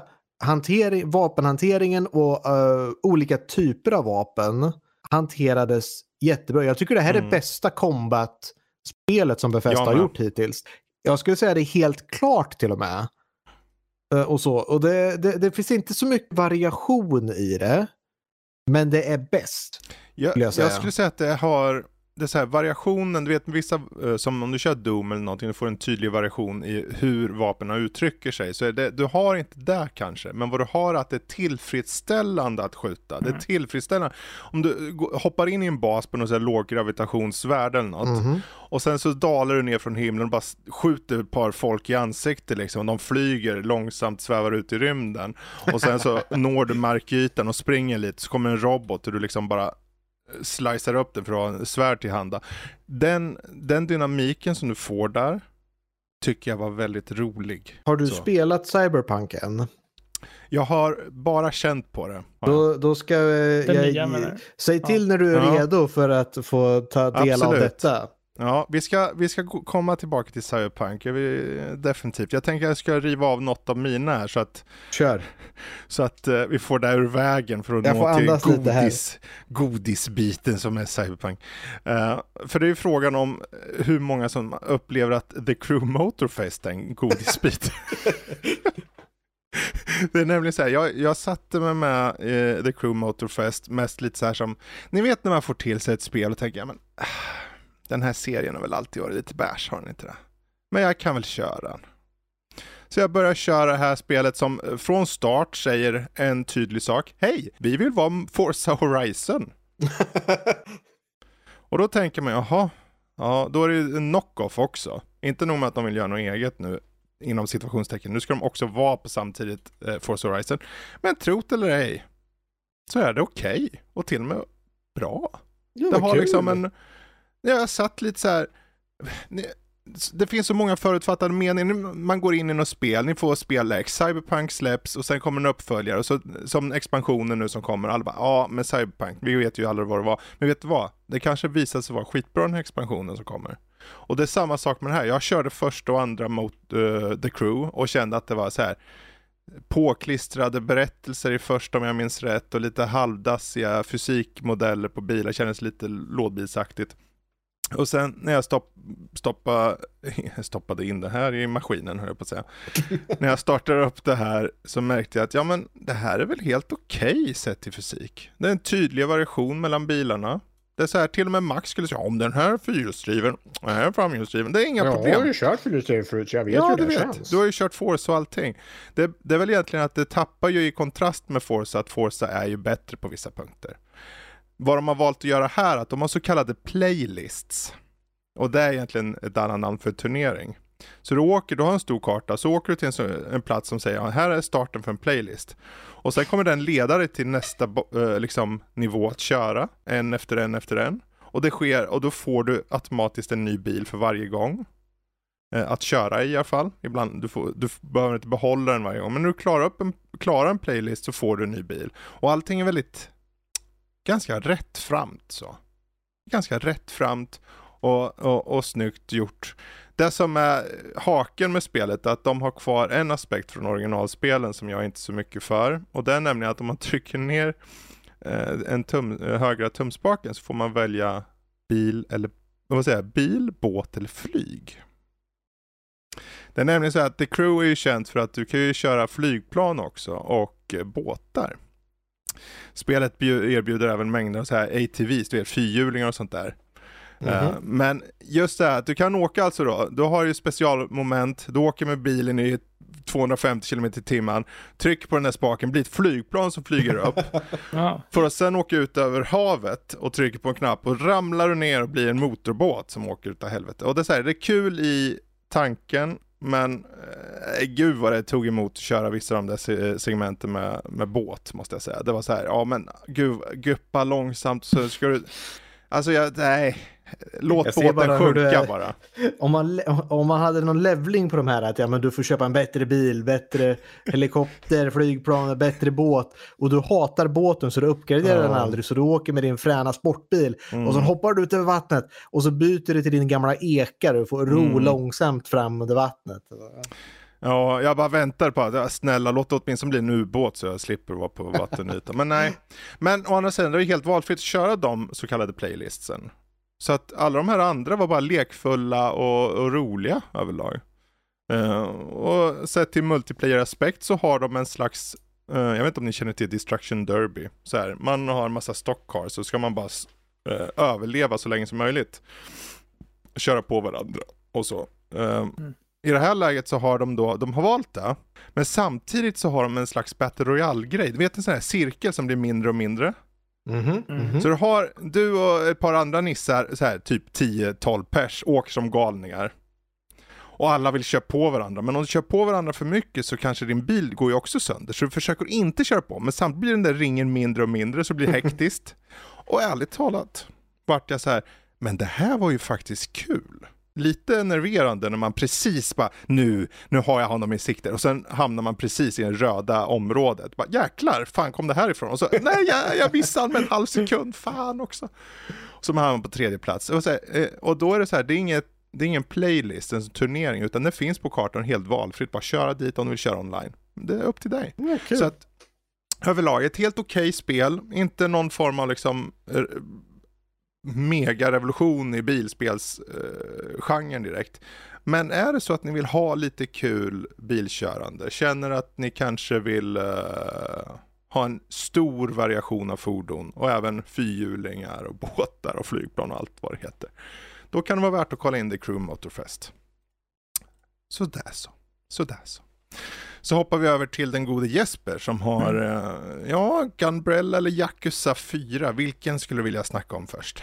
Jag kan börja med Gumbrella lite grann. Mm. Uh, Gumbrella är ju ett slags eh, 2D-plattforms actionspel, uh, shooter actionspel där du spelar som en karaktär som ska få revansch för någonting. Murray heter han och han ska leta reda på den som har skapat hans eh, Gunbrella som det heter. Han har en eh, pistol, eller ett, ett gevär, eh, helt enkelt, eller ett gevär kan man väl säga det, Mm. eh, med en, eh, ett paraply in, inbyggt i sig. Precis, skottsäkert också. Ja, Mhm. så det, grejen går ju ut på då att du ska ta dig runt med det här paraplyet. Du kan ha, göra liksom stora hopp med det här paraplyet så du svävar eller åker runt i luften. Och du kan eh, använda det som ett skydd mot eh, inkommande eh, bullets och liknande. Och eh, jag tycker att det är ett väldigt, alltså det, kontrollerna känns väldigt bra i spelet tycker jag. Eh, det är liksom ett väldigt eh, responsivt system där du liksom kan Mm. styra runt och sikta väldigt tydligt på vad du ska skjuta med geväret och, och lite olika granater och liknande du kan använda dig av. Och det här med att man typ hoppar och kan åka upp i luften, det känns lite så här Super Meat Boy Celeste-aktigt lite grann. Precis så. Eh, inte lika svårt kanske som någon spelar, men det är ändå liksom samma känsla lite grann. Det har ju lite av lite pusselaspekter. Ja. Ibland så, eller bara det här att ibland behöver du prata med någon för att reda på vad du ska säga Ja. för att komma vidare till exempel. Så att det är värt att prata med folk och ta reda på omvärlden lite. Ja, det är ju, jag tycker det är väldigt snyggt, alltså karaktärsdesign på dem, det är pixelgrafik är det ju. Mm. Eh, väldigt så här, det är ju ett tydligt liksom indie pixelgrafikspel. Men jag tycker om liksom hur animationerna är på karaktärerna runt omkring i världen. Det liksom är lite så här dystop- dystopiskt med, det är ju en kult som man följer som är Kult 45 som har en liksom stor koppling till resten av världen och den här liksom eh, alla de här byar där man åker tåg mellan olika byar. Mm. Liksom går ut, man ska ta sig från ett ställe till annat med tåg och så ska man alltid liksom leta upp något uppdrag. Man har en så här anteckningsbok tycker jag är lite fint som det liksom är karaktärens anteckningsbok här. Det här är vad min checklista är för eh, att lösa det här uppdraget. Så går man och gör det liksom, du ska prata med den här personen. Och vad är den här personen då? Då måste jag prata med den här personen för att veta vad den personen är och så vidare. Mm. Så det blir lite så här ja, detektiv, eh, alltså så här lite peka-klicka-eskt på det sättet, eller man ska säga, sån typ av spel där man måste Precis. lista ut, även om det inte alltid är jättesvårt, för det är ändå inte så här jätteobtysa grejer liksom som det kan vara i sådana spel, men det är ändå lite så här klurigheter, så det inte bara Mm. är run and gun, utan det är liksom, ja. Jag tycker att bossarna har varit ganska, de har ju varit lite, jag köper normal svårighetsgrad, det finns tre olika, jag vet inte hur de andra två är riktigt, men jag tycker att det är liksom lagom Mm. Det kan ta något försök att klara vissa av de här bossarna, men när man lärt sig deras strategi så det var en boss jag skulle, man skulle ta sig upp från ett, en gruva typ. Mm. Och för att döda den här bossen så eh, använde jag liksom, spammade jag paraplyknappen samtidigt som jag spammade skjutknappen på den för man ska skjuta hans öga. Så jag typ svävade i luften och guppade fram och tillbaka med pistolen så att jag inte blev eh, träffad av den. Liksom. Det kändes som att man fick lista ut lite själv hur man skulle göra där och det tyckte jag var rätt kul. Mm. Men eh, jag är inte helt klar med. Jag tror att jag har kanske någon timma kvar nu, eller inte ens det kanske. Men det, jag är på slutet av spelet nu tror jag. Mm. Det ska bli intressant att se hur det tar vidare. Men eh, jag tycker om det jag kört hittills ganska mycket i alla fall. Gunbrella. Ja, jag Mm. körde lite på det. Jag tycker det lovade gott faktiskt. Mm, Eh, det, jag det känns inte som att det... Jag har väl kört fyra, fem timmar på Mm. det nu ungefär. Det är inte något jättelångt spel heller. Så det är ju... det är Nej, jag tror, jag tror ett sånt där spel, det här sidskrollande, lite Metroidvania-liknande. Mm. eh, jag tycker det gör sig bra kortare. Särskilt när de har Mm. den här, de kallar det punkt noir. Ja, det... Eh, så att eh, stilmässigt så har den en väldigt egen ton. För mig vart jag säga, ja, men det här är bra, jag kanske blir lite mätt efter ett tag, men okej. Jo, men precis. tror det kan bli Det- riktigt bra. Jag känner ifall det här spelet hade varit 15-20 timmar till och med så hade Mm. det varit lite väl långt för det. För det är ju liksom, Precis. alltså det ändra, utvecklas inte jättemycket i gameplayet under tidens gång, Nej. eh, under det jag har kört i alla fall. Det är, det är bossar som är lite unika, men annars så tycker jag, alltså gameplayet i sig, du ska ta dig och över massa Mm. hinder och hoppa plattformar liksom och prata med folk. Det blir liksom lite, ja. Ja. Från ett spel till ett kort spel till ett annat då. Eh, innan vi hoppar över till godisbiten som är ja. Max Cyberpunk. Säger du att Yakuza är ett kort spel? Det blir spännande att höra. Nej, jag tänkte nämligen ta upp Bramble, The Fair enough. Mountain King. Mm. Ehm, som, som jag tänkte, ja men jag startar upp det, det ligger här på Game Pass. Och du vet ju hur jag tänker Max, jag tänker hur då? Jag är en buffel. Så tänker jag, och efter jag har tänkt så, tänker jag varför inte köra det här som ligger här på Game Pass? Så att jag startade upp det och körde rakt igenom det, det är typ fyra timmar långt. Och, och vad är då det här? Jo, det är ju svensk folktro i spelformat egentligen. Så att det handlar om en liten pojke som heter Olle som vaknar upp eh, i, i stugan på natten och märker att hans syster är väck. Och vad har hänt? Jo, hon har blivit tagen av ett troll. Och du be- beger ut för att hitta och på resans gång så får du träffa allt från eh, odöda pestindränkta eh, varelser till Näcken, till eh, skogsrå, till allt möjligt. Eh, småtomtar. Ehm, och eh, vem vet, kanske i Bergakungens sal hittar du en stor filur också. Eh, det är ett, ett äventyr och väldigt ganska mörk ton där eh, grafiken är väldigt man märker ju att det är väldigt, eh, ja, jag gissar att de är svenskar som gör De det här. är svenskar. För jag. att det är liksom, du har ju svenska skyltar och grejer här och var och så. Eh, och mycket av de här liksom gamla eh, folktrovarelserna heter på svenska och så. Och jag tyckte det var väldigt, eh, det, det är bra att det var så kort. Jag skulle inte vilja kanske ha 10 timmar eller 20 timmar, men de här 4-5 timmarna som det var, var väldigt mysigt och har en väldigt unik ton, atmosfäriskt, lite kusligt på ett barnvänligt sätt. Liksom. Mm. Så du vet när man berättar en saga för ungar, de åh nej, nu kommer Näcken, åh, han heter Max. Nej, det gör han inte. Men, inte. men den har en kanske- bra nivå liksom. Uh, spelmekaniskt, väldigt enkelt, så här pussel, rör eh, sak X hit och så är du klar typ. Uh, Medan det är spelmekaniskt ibland, för du, den lilla pojken Olle, du har ju inga vapen eller någonting, men du har typ, du kan eh, skjuta iväg lite ljus när du väljer att hålla upp en lykta liksom och så. Ehm, så på det sättet är det ganska snällt, men det finns ändå segment, till exempel nu- en senare fight inom situationstecken när du slåss mot eh, ett skogsrå, där du behöver liksom eh, hitta ett sätt att ta ut henne. Eh, som jag tyckte ändå var fiffigt. Det känns, de tar, de utnyttjar vad de har på ett bra sätt. Liksom. Det låter lite som eh, om man jämför det med liksom Little Nightmares ungefär hur det funkar där. Ja, Eh, Eh, lite så här att man, eh, man går för att se sidoskrollande och så, så finns det lite så här bossar inom situationstecken Mm. du säger. Men man har ju inget vapen utan man måste liksom lösa ett pussel för att lösa bossen. Liksom. exakt att, så. Det, det, är ganska, det är väldigt snarlikt Little Might Nightmares Ja. på vissa sätt faktiskt.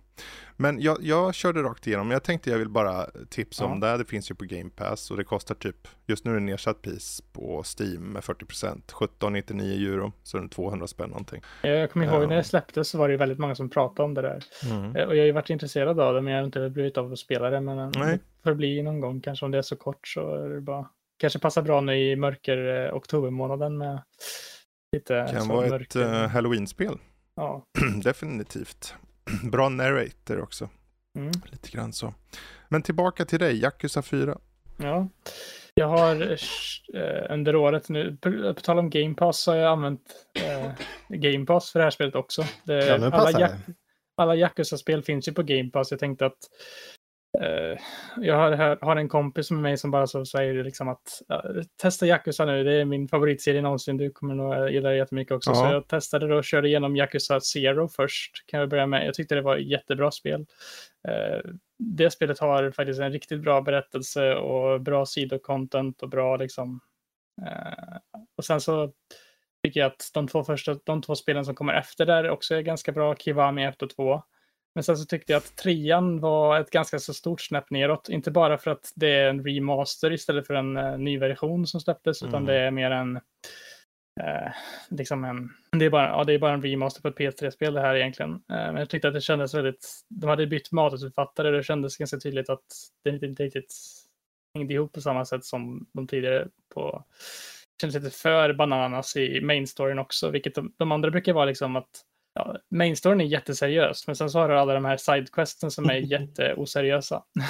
de utspelar sig jätteseriöst, men de är ja. jätteoseriösa. vilket så, gör dem ännu bättre. Vilket gör att det blir liksom en konstig balans i trean, när det kändes nästan som att det var tvärtom. Att sidequesten var ibland jätteseriösa och mainquest ja. inte var.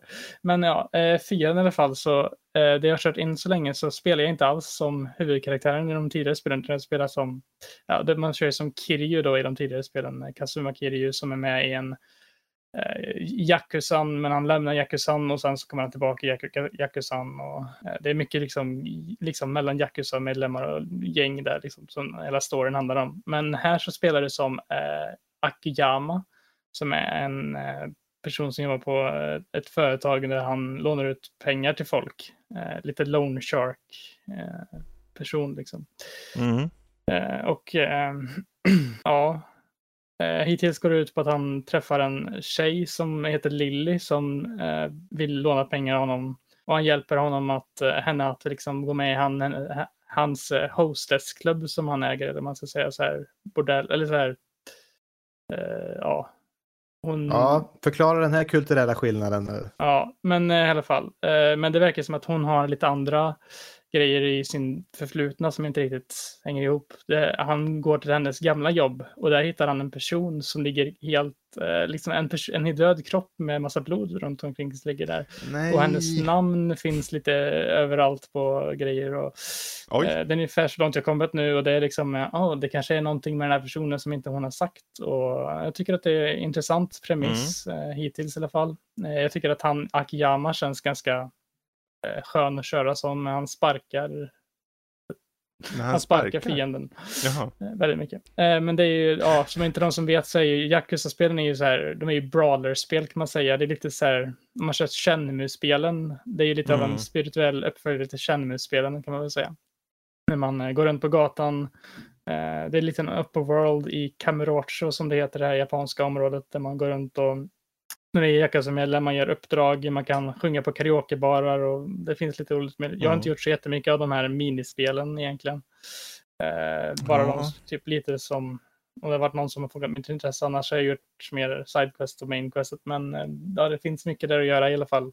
Om du vill gå för 100% så kan det nog vara över 100 timmar på någon, medan mm. en story-genomgång kan vara runt 15-20 timmar. Typ.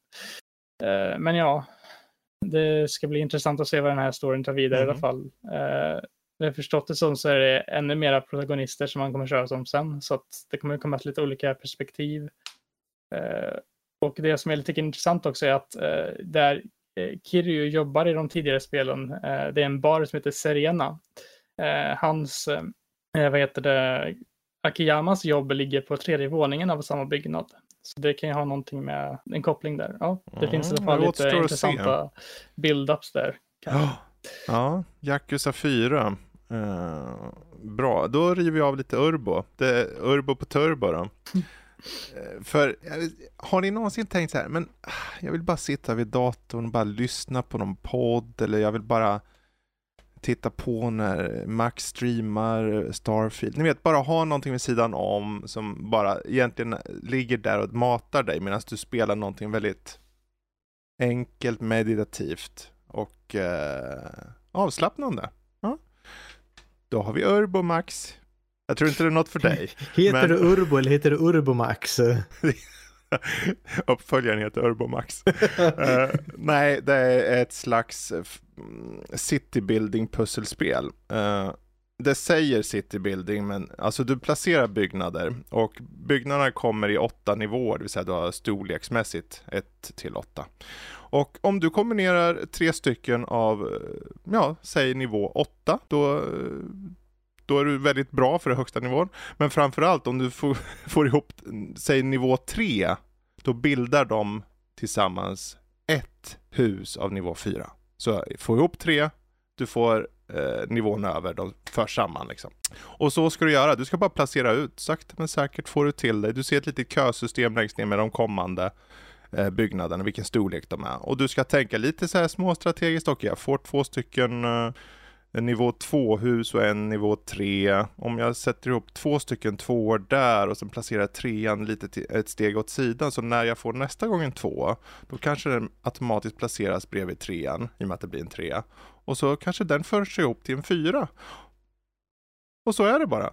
Du bara för ihop. Så är det bara. Ja, bara placera, placera, placerar.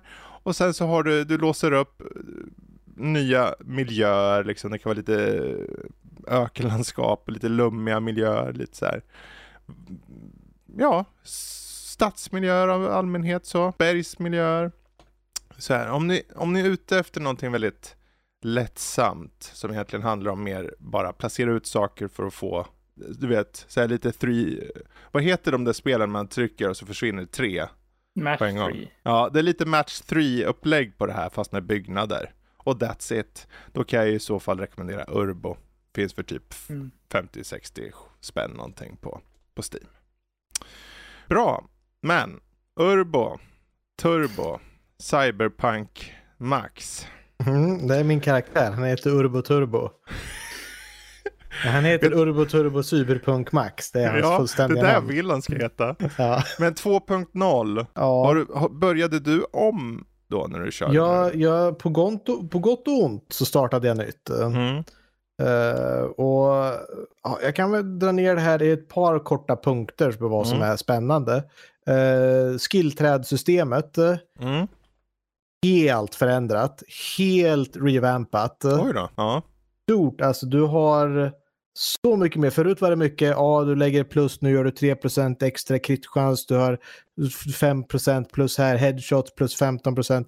Nu låser du upp helt galna abilities istället. När du, liksom, du får välja Mhm. helt vart du vill gå. Att, ja, men du har liksom, går du med... När, när, Men är det då nya abilities? Helt nya förut? abilities med gameplay i inbörder som är... Eh, alltså bara att om du till exempel vill gå med svärd. Mm. Bland de första, liksom, lägger du lite poäng i svärd så lär du dig först och främst att dodga bättre.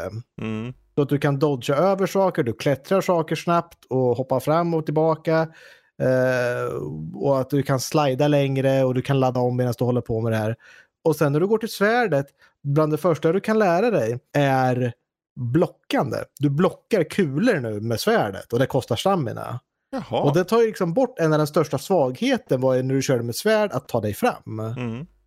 Och sen kan du kombinera den att har du dash och svärdblockningen så kan de gå ihop då och välja en ny skill som är liksom hoppattacker med svärdet. Att om du dashar och får ner en fiende så får du liksom en leap-attack som ger bonusskada ju längre du hoppar.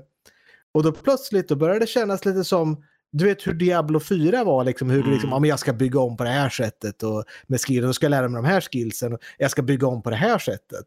Och de har, de har gjort om det så många grejer, de har kopplat om massa saker och de har kopplat bort de här eh, Förut var man tvungen att använda någonting, att ja, men jag var level 5 i cool och det var ju Mhm. stealth-fliken. Och då var du Mm. tvungen att göra stealth-grejer. Du kunde levla, levla upp den och få perks till level 5 om man säger, som bara var bonusar. Och det var ofta så du fick perk points. Mm. Nu är de helt fristående och de går upp till level 60. Och också, så ditt spelsätt levlar du passivt skillnad från dina perks. Mm. Så det var, det var spännande och mycket bättre gjort skulle jag säga. Så att du, liksom, du, får, du kan levla precis hur du vill och du kan spela på ett helt annat sätt och få bonus för det också. Mm. Eh, någonting annat som är riktigt stort är de har revampat stamina-systemet. Så nu kostar nästan allting stamina istället på olika sätt. Mhm. Det vill säga när du skjuter vapen, det kostar stamina. När du springer, det kostar stamina. När du dodgar, det kostar stamina. Så att då, då får du väldigt bestämma att du kan göra precis vad du vill, men saker kostar stamina. Och då blir det lite koppling med, liksom, du kan skjuta en pistol som gör jättelite skada, men den kostar ingen stamina. Och du kan skjuta med en revolver som gör supermycket skada. Men den kostar halva din stamina att skjuta Mm. ett skott på grund av rekylen. Och det där kan du ju fixa genom att bygga om din karaktär och fokusera på det. Men annars är det väldigt, liksom, de har gjort Vapnena är alla omgjorda och återbalanserade. Vissa har bytts till helt nya modeller med liksom nya hur de funkar. Men du har väldigt mycket, jag vet ju min favorit shotgun som heter Carnage. Det är den monstruös största shotgun som finns. Den klassificerar sig här som ett heavy weapon till och med. Att du går långsamt, det kostar extra mycket stamina för dig att hoppa. Men du slänger av ett skott med den och gubben du träffar gör ju en backflip och flyger och landar ner och blir nästan liksom stunnad. Så du kan gå fram med svärd och liksom peta på honom och Ja, hugga ja, upp ja. honom lite där. Men det är verkligen att när de väl kommer fram då, då får de sig en överraskning. Men det, och den kostar jättemycket att använda. Men de har kunnat liksom gjort skillnader på vapen så extremt. Mm. Och det var jag tänkte när du sa att du kände att du hade olika sätt att spela på i, i, I Starfield. Mm. Här har de tagit det till det extrema verkligen. Och då kan du bygga in vilket du vill bli bättre på att använda. Spännande. Och det, jag, jag bara går liksom på det absolut lättaste där. Men jag säger Ja. det, det finns, eh, de släppte ut för några dagar sedan också en sån här eh, skill planner så du kan gå in på deras hemsida och Mm. bara liksom bygga, testa Mm. hur, du skulle liksom, hur du skulle bygga om du fick bygga helt fritt. eh, och kombinera olika saker. Um, lite annan grej, jag tycker immersionen är mycket bättre. Jag tycker det har blivit små saker som ger immersion mycket bra. Eh, jag tycker att NPCer som står runt på staden, för det, det, Starfield har det lite så här, du tycker att det är bara folk som går runt, de gör egentligen ingenting. Du har några som står och talar här och där. Mm. Jag tänker som att det absolut vanligaste folket som inte ens har någonting att säga, jag tycker jag ser dem i mycket bättre poser.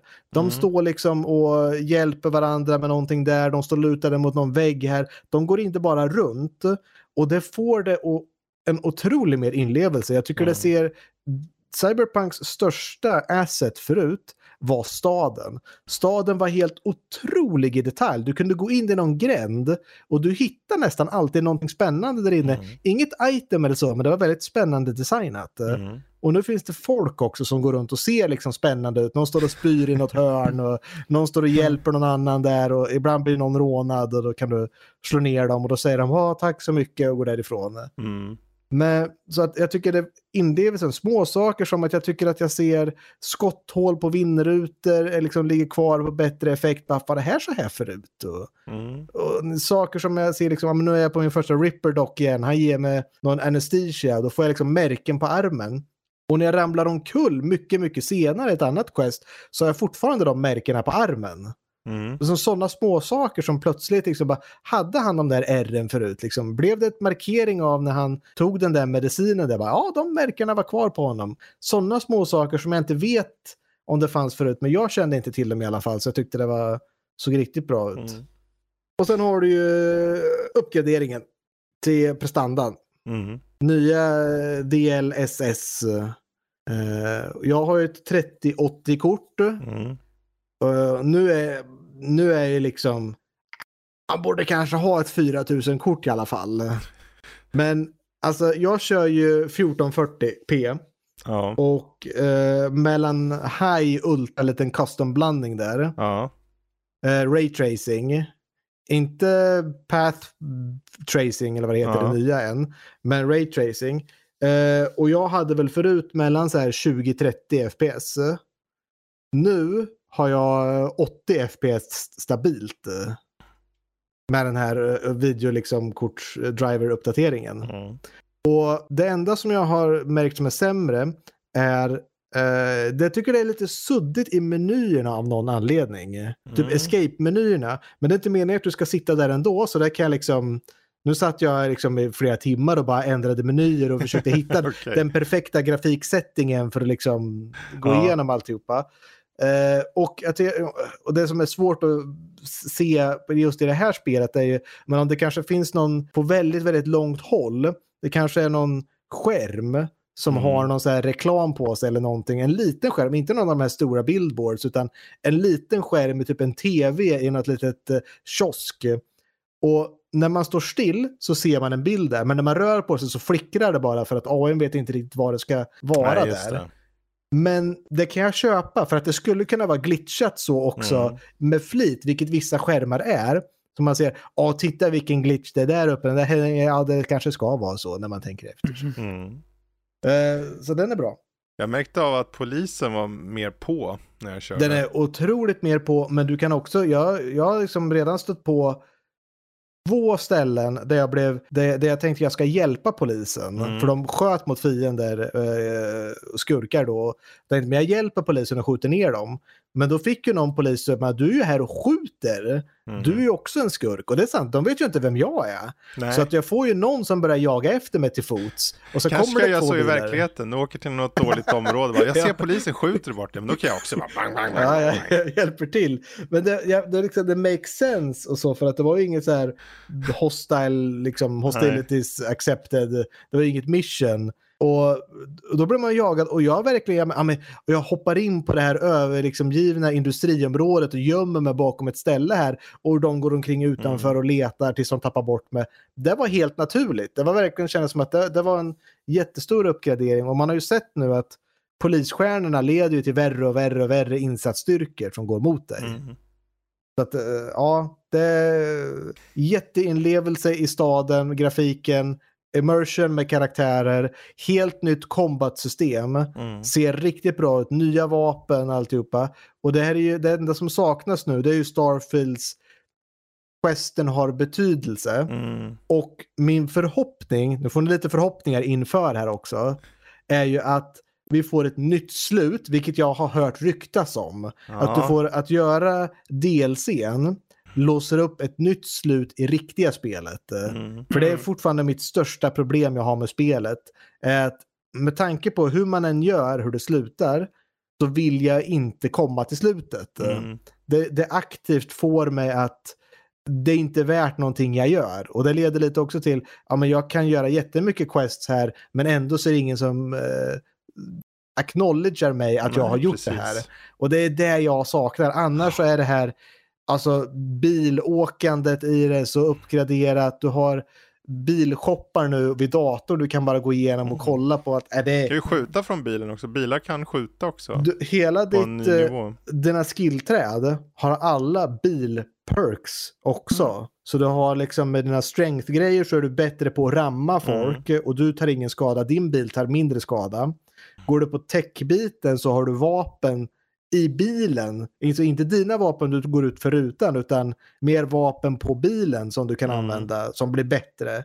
Och sen har du ju netrunning-biten är ju hur du kan hacka bilar och få dem att self-destructa och Mm. så, så det, det, det är också en liten helt ny bit som de har lagt till. Ja. Ja, jag märkte, jag startade upp det igår tror jag, bara för att jag var nyfiken på uppdateringen. Eh, och så smaskade jag på med allting bara. Den Mhm. nya raytracingen, eh, full path tracing också Ja, precis. Eh, och den här eh, 3,5 eh, reconstruction eh, grejen Ja, som de har. frame eh, construction-grejen och allt. Ja, frame generation var igång också, men jag valde att inte ha på den bara för att jag vill se hur mycket Mm. normal FPS jag fick så att säga. Som normalt det kan vara, det är ju fortfarande DLSS igång. Men eh, den här reconstruction, eh, ray tracing reconstruction som man har är intressant. För han, han ger det lite mer FPS och fixar till raytracingen så att den Ja, det är eh, spännande. snabbare. Ehm, och mer naturtrogen. Uh, det var så här, ja men det här. Och då har de, det är ungefär som med DL, DLSS, nu är det så här mycket textsnack här, ni får ursäkta.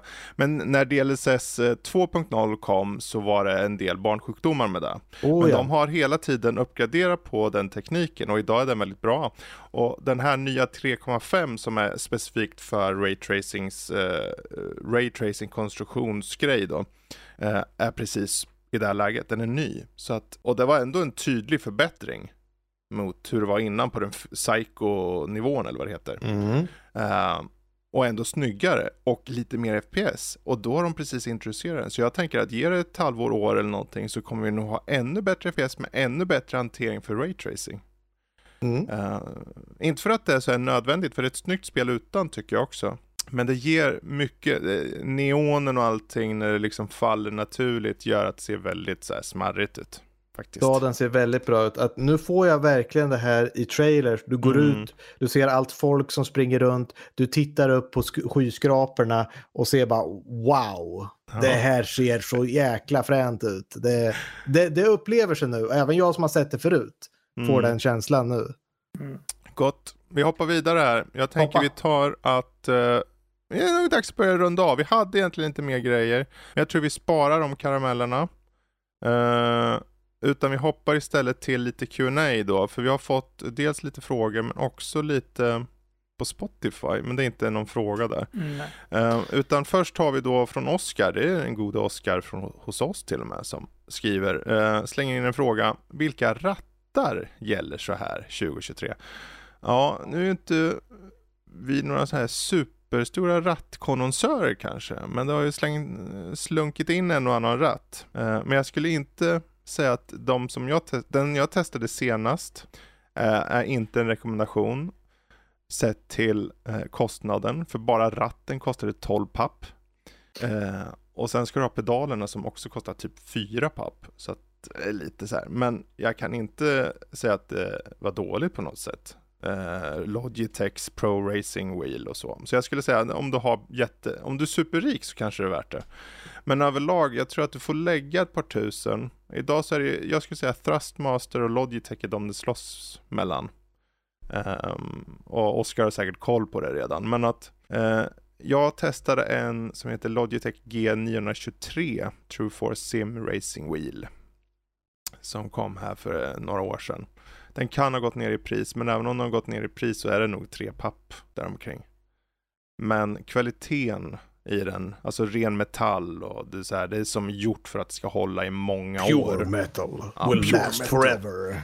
Så här, bedårande digitalt är det inte i det här fallet, utan jävligt analogt Ja. eh, på ett skönt sätt. Så det är den första jag kommer att tänka på, så det är rent spontant. Sen finns det ju, jag tror om man ska spara en slant, för om man inte har pengarna såklart, så att, vad ska man göra då? Eh, då är det ju så att det finns ju många no-name-märken. Du kan få några under tusenlappen. Det finns ett par märken som heter allt från Natec till Gembird.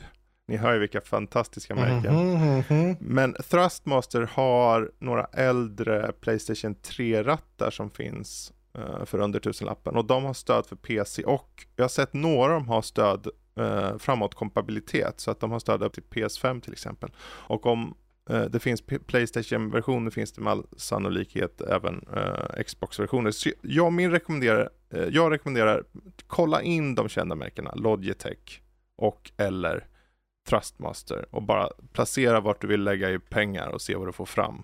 Det, jag, tyvärr är det inte så jävla roligt svar kanske. Och är det så du har tre papp så är den här 923 True Force från Logitech ett, ett förslag. Mm. Så det får vara svaret där. Sen har vi John Levin som skriver, vill slänga in mer frågor för er podd. Bara några månader kvar på nu på året. Vad ser ni fram emot för spel som kommer under 2024? Vet inte vad som kommer. Kanske ni vet?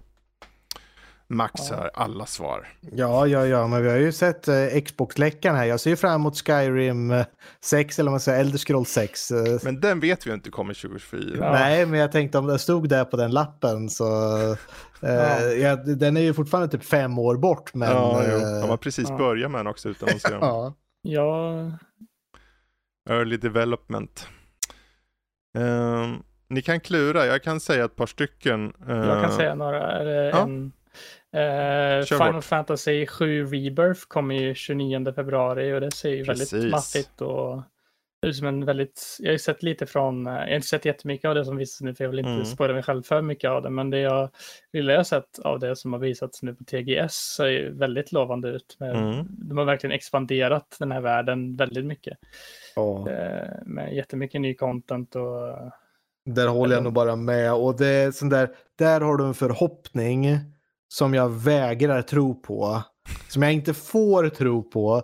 För jag kommer krossa mig själv i den förhoppningen. Nu är vi i Starfield-fällan här. det Nästan där. Men den här är så långsökt att jag vet att det inte är så här, jag, jag är okej. Det, det är så här, tänk om du får spela som Sephiroth, att han går med dig i hela spelet. Jag tror du har läckt att du kommer... Nå, att du har Inte- vissa delar bara. Ja, och Ja, det, fanns, det, var- det var så i originalspelet Ja. också, där han var med som en companion men du kunde inte styra honom. Och jag vet att de kommer vara det segmentet. Så Man att jag kommer vet kunna att han, styra dem där. Han kommer kunna bli styrd där och det har jag redan sett att ja, men det är okej med att man kan göra. Men det är som en tease. Det är som Mm. att äta ett chips ur ett chips liksom påse. Det är inte tillräckligt. Så jag vill nästan inte veta om det. Och jag kan inte ha förhoppningar att tänka, ja men tänk om han är med hela spelet. Om du kan ha honom jämt i partyt. Men det vägrar jag tro på för det mina förhoppningar skulle vara alldeles för stora. Eh, eh, en grej dock som de har eh, som är helt annorlunda från sjuan är ju att en viss karaktär näm- namnd eh, Zack Fair lever nu i den här versionen av spelet. Mm, eller eller är det Eh, alternativa jo. universum? Eller är det två stycken delar, splittade timelines som sen kommer gå ihop som vi kallar för en reunion kanske?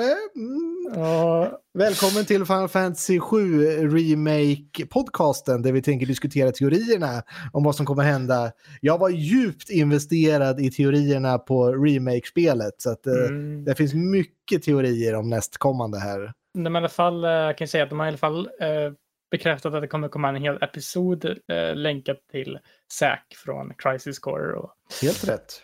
Mm. Så det kommer nog, ja, väldigt mycket nytt. Liksom, eh, det verkar väldigt mycket som att man kan utforska väldigt stora öppna områden och sånt lite grann. Eh, Där har vi ett spel. Ja. Eh, jag- förlåt, jag hoppar in här så jag river Ja. av bara några par stycken. Men jag tänker, eh, fightingspelsälskare kanske ser fram emot Tekken 8 som släpps 26 eh, januari. Det är bra ut. Vi har eh, Prince of Persia-spelet som ser lite gemytligt ut, The Lost Crown, som kommer också där i januari. Och Alone in the Dark samma månad. Det sköts ju upp. Det skulle egentligen ha släppts i oktober tror jag. Ehm, eh, och det var ju en hård, det är en hård månad nu i år. Det är Alan Wake och allt möjligt som kommer då, så jag förstår. Ehm, och sen så sa han ju ni Final Fantasy 7 Rebirth. Så att eh, jag tycker det, det är ett par tydliga tips. Jag tror inte många sitter på och väntar idogt på Tintin Reporter, Cigars of the Pharaoh. Den är nog inte lika, den ska komma nästa år. Eh, Eh, men ja. kanske, kanske. jag har, Har- några till. eh, Ja, där. riv av lite snabbt. Kör. Persona 3 får ju en remake, Persona 3, eh, Tre- Persona 3 Reload som kommer Mm. i februari, 2 februari.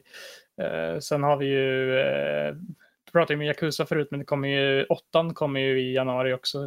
Eh, like a Dragon, eh, Infinite Wealth som är, ja, turordningsutplacerad som sjuan var. Precis. Eh, och sen eh, det här Grand Fantasy Relink som är det här stora anime-äventyrs... Eh, eh, ganska hög budget ut. Mhm. Eh, kommer i första februari.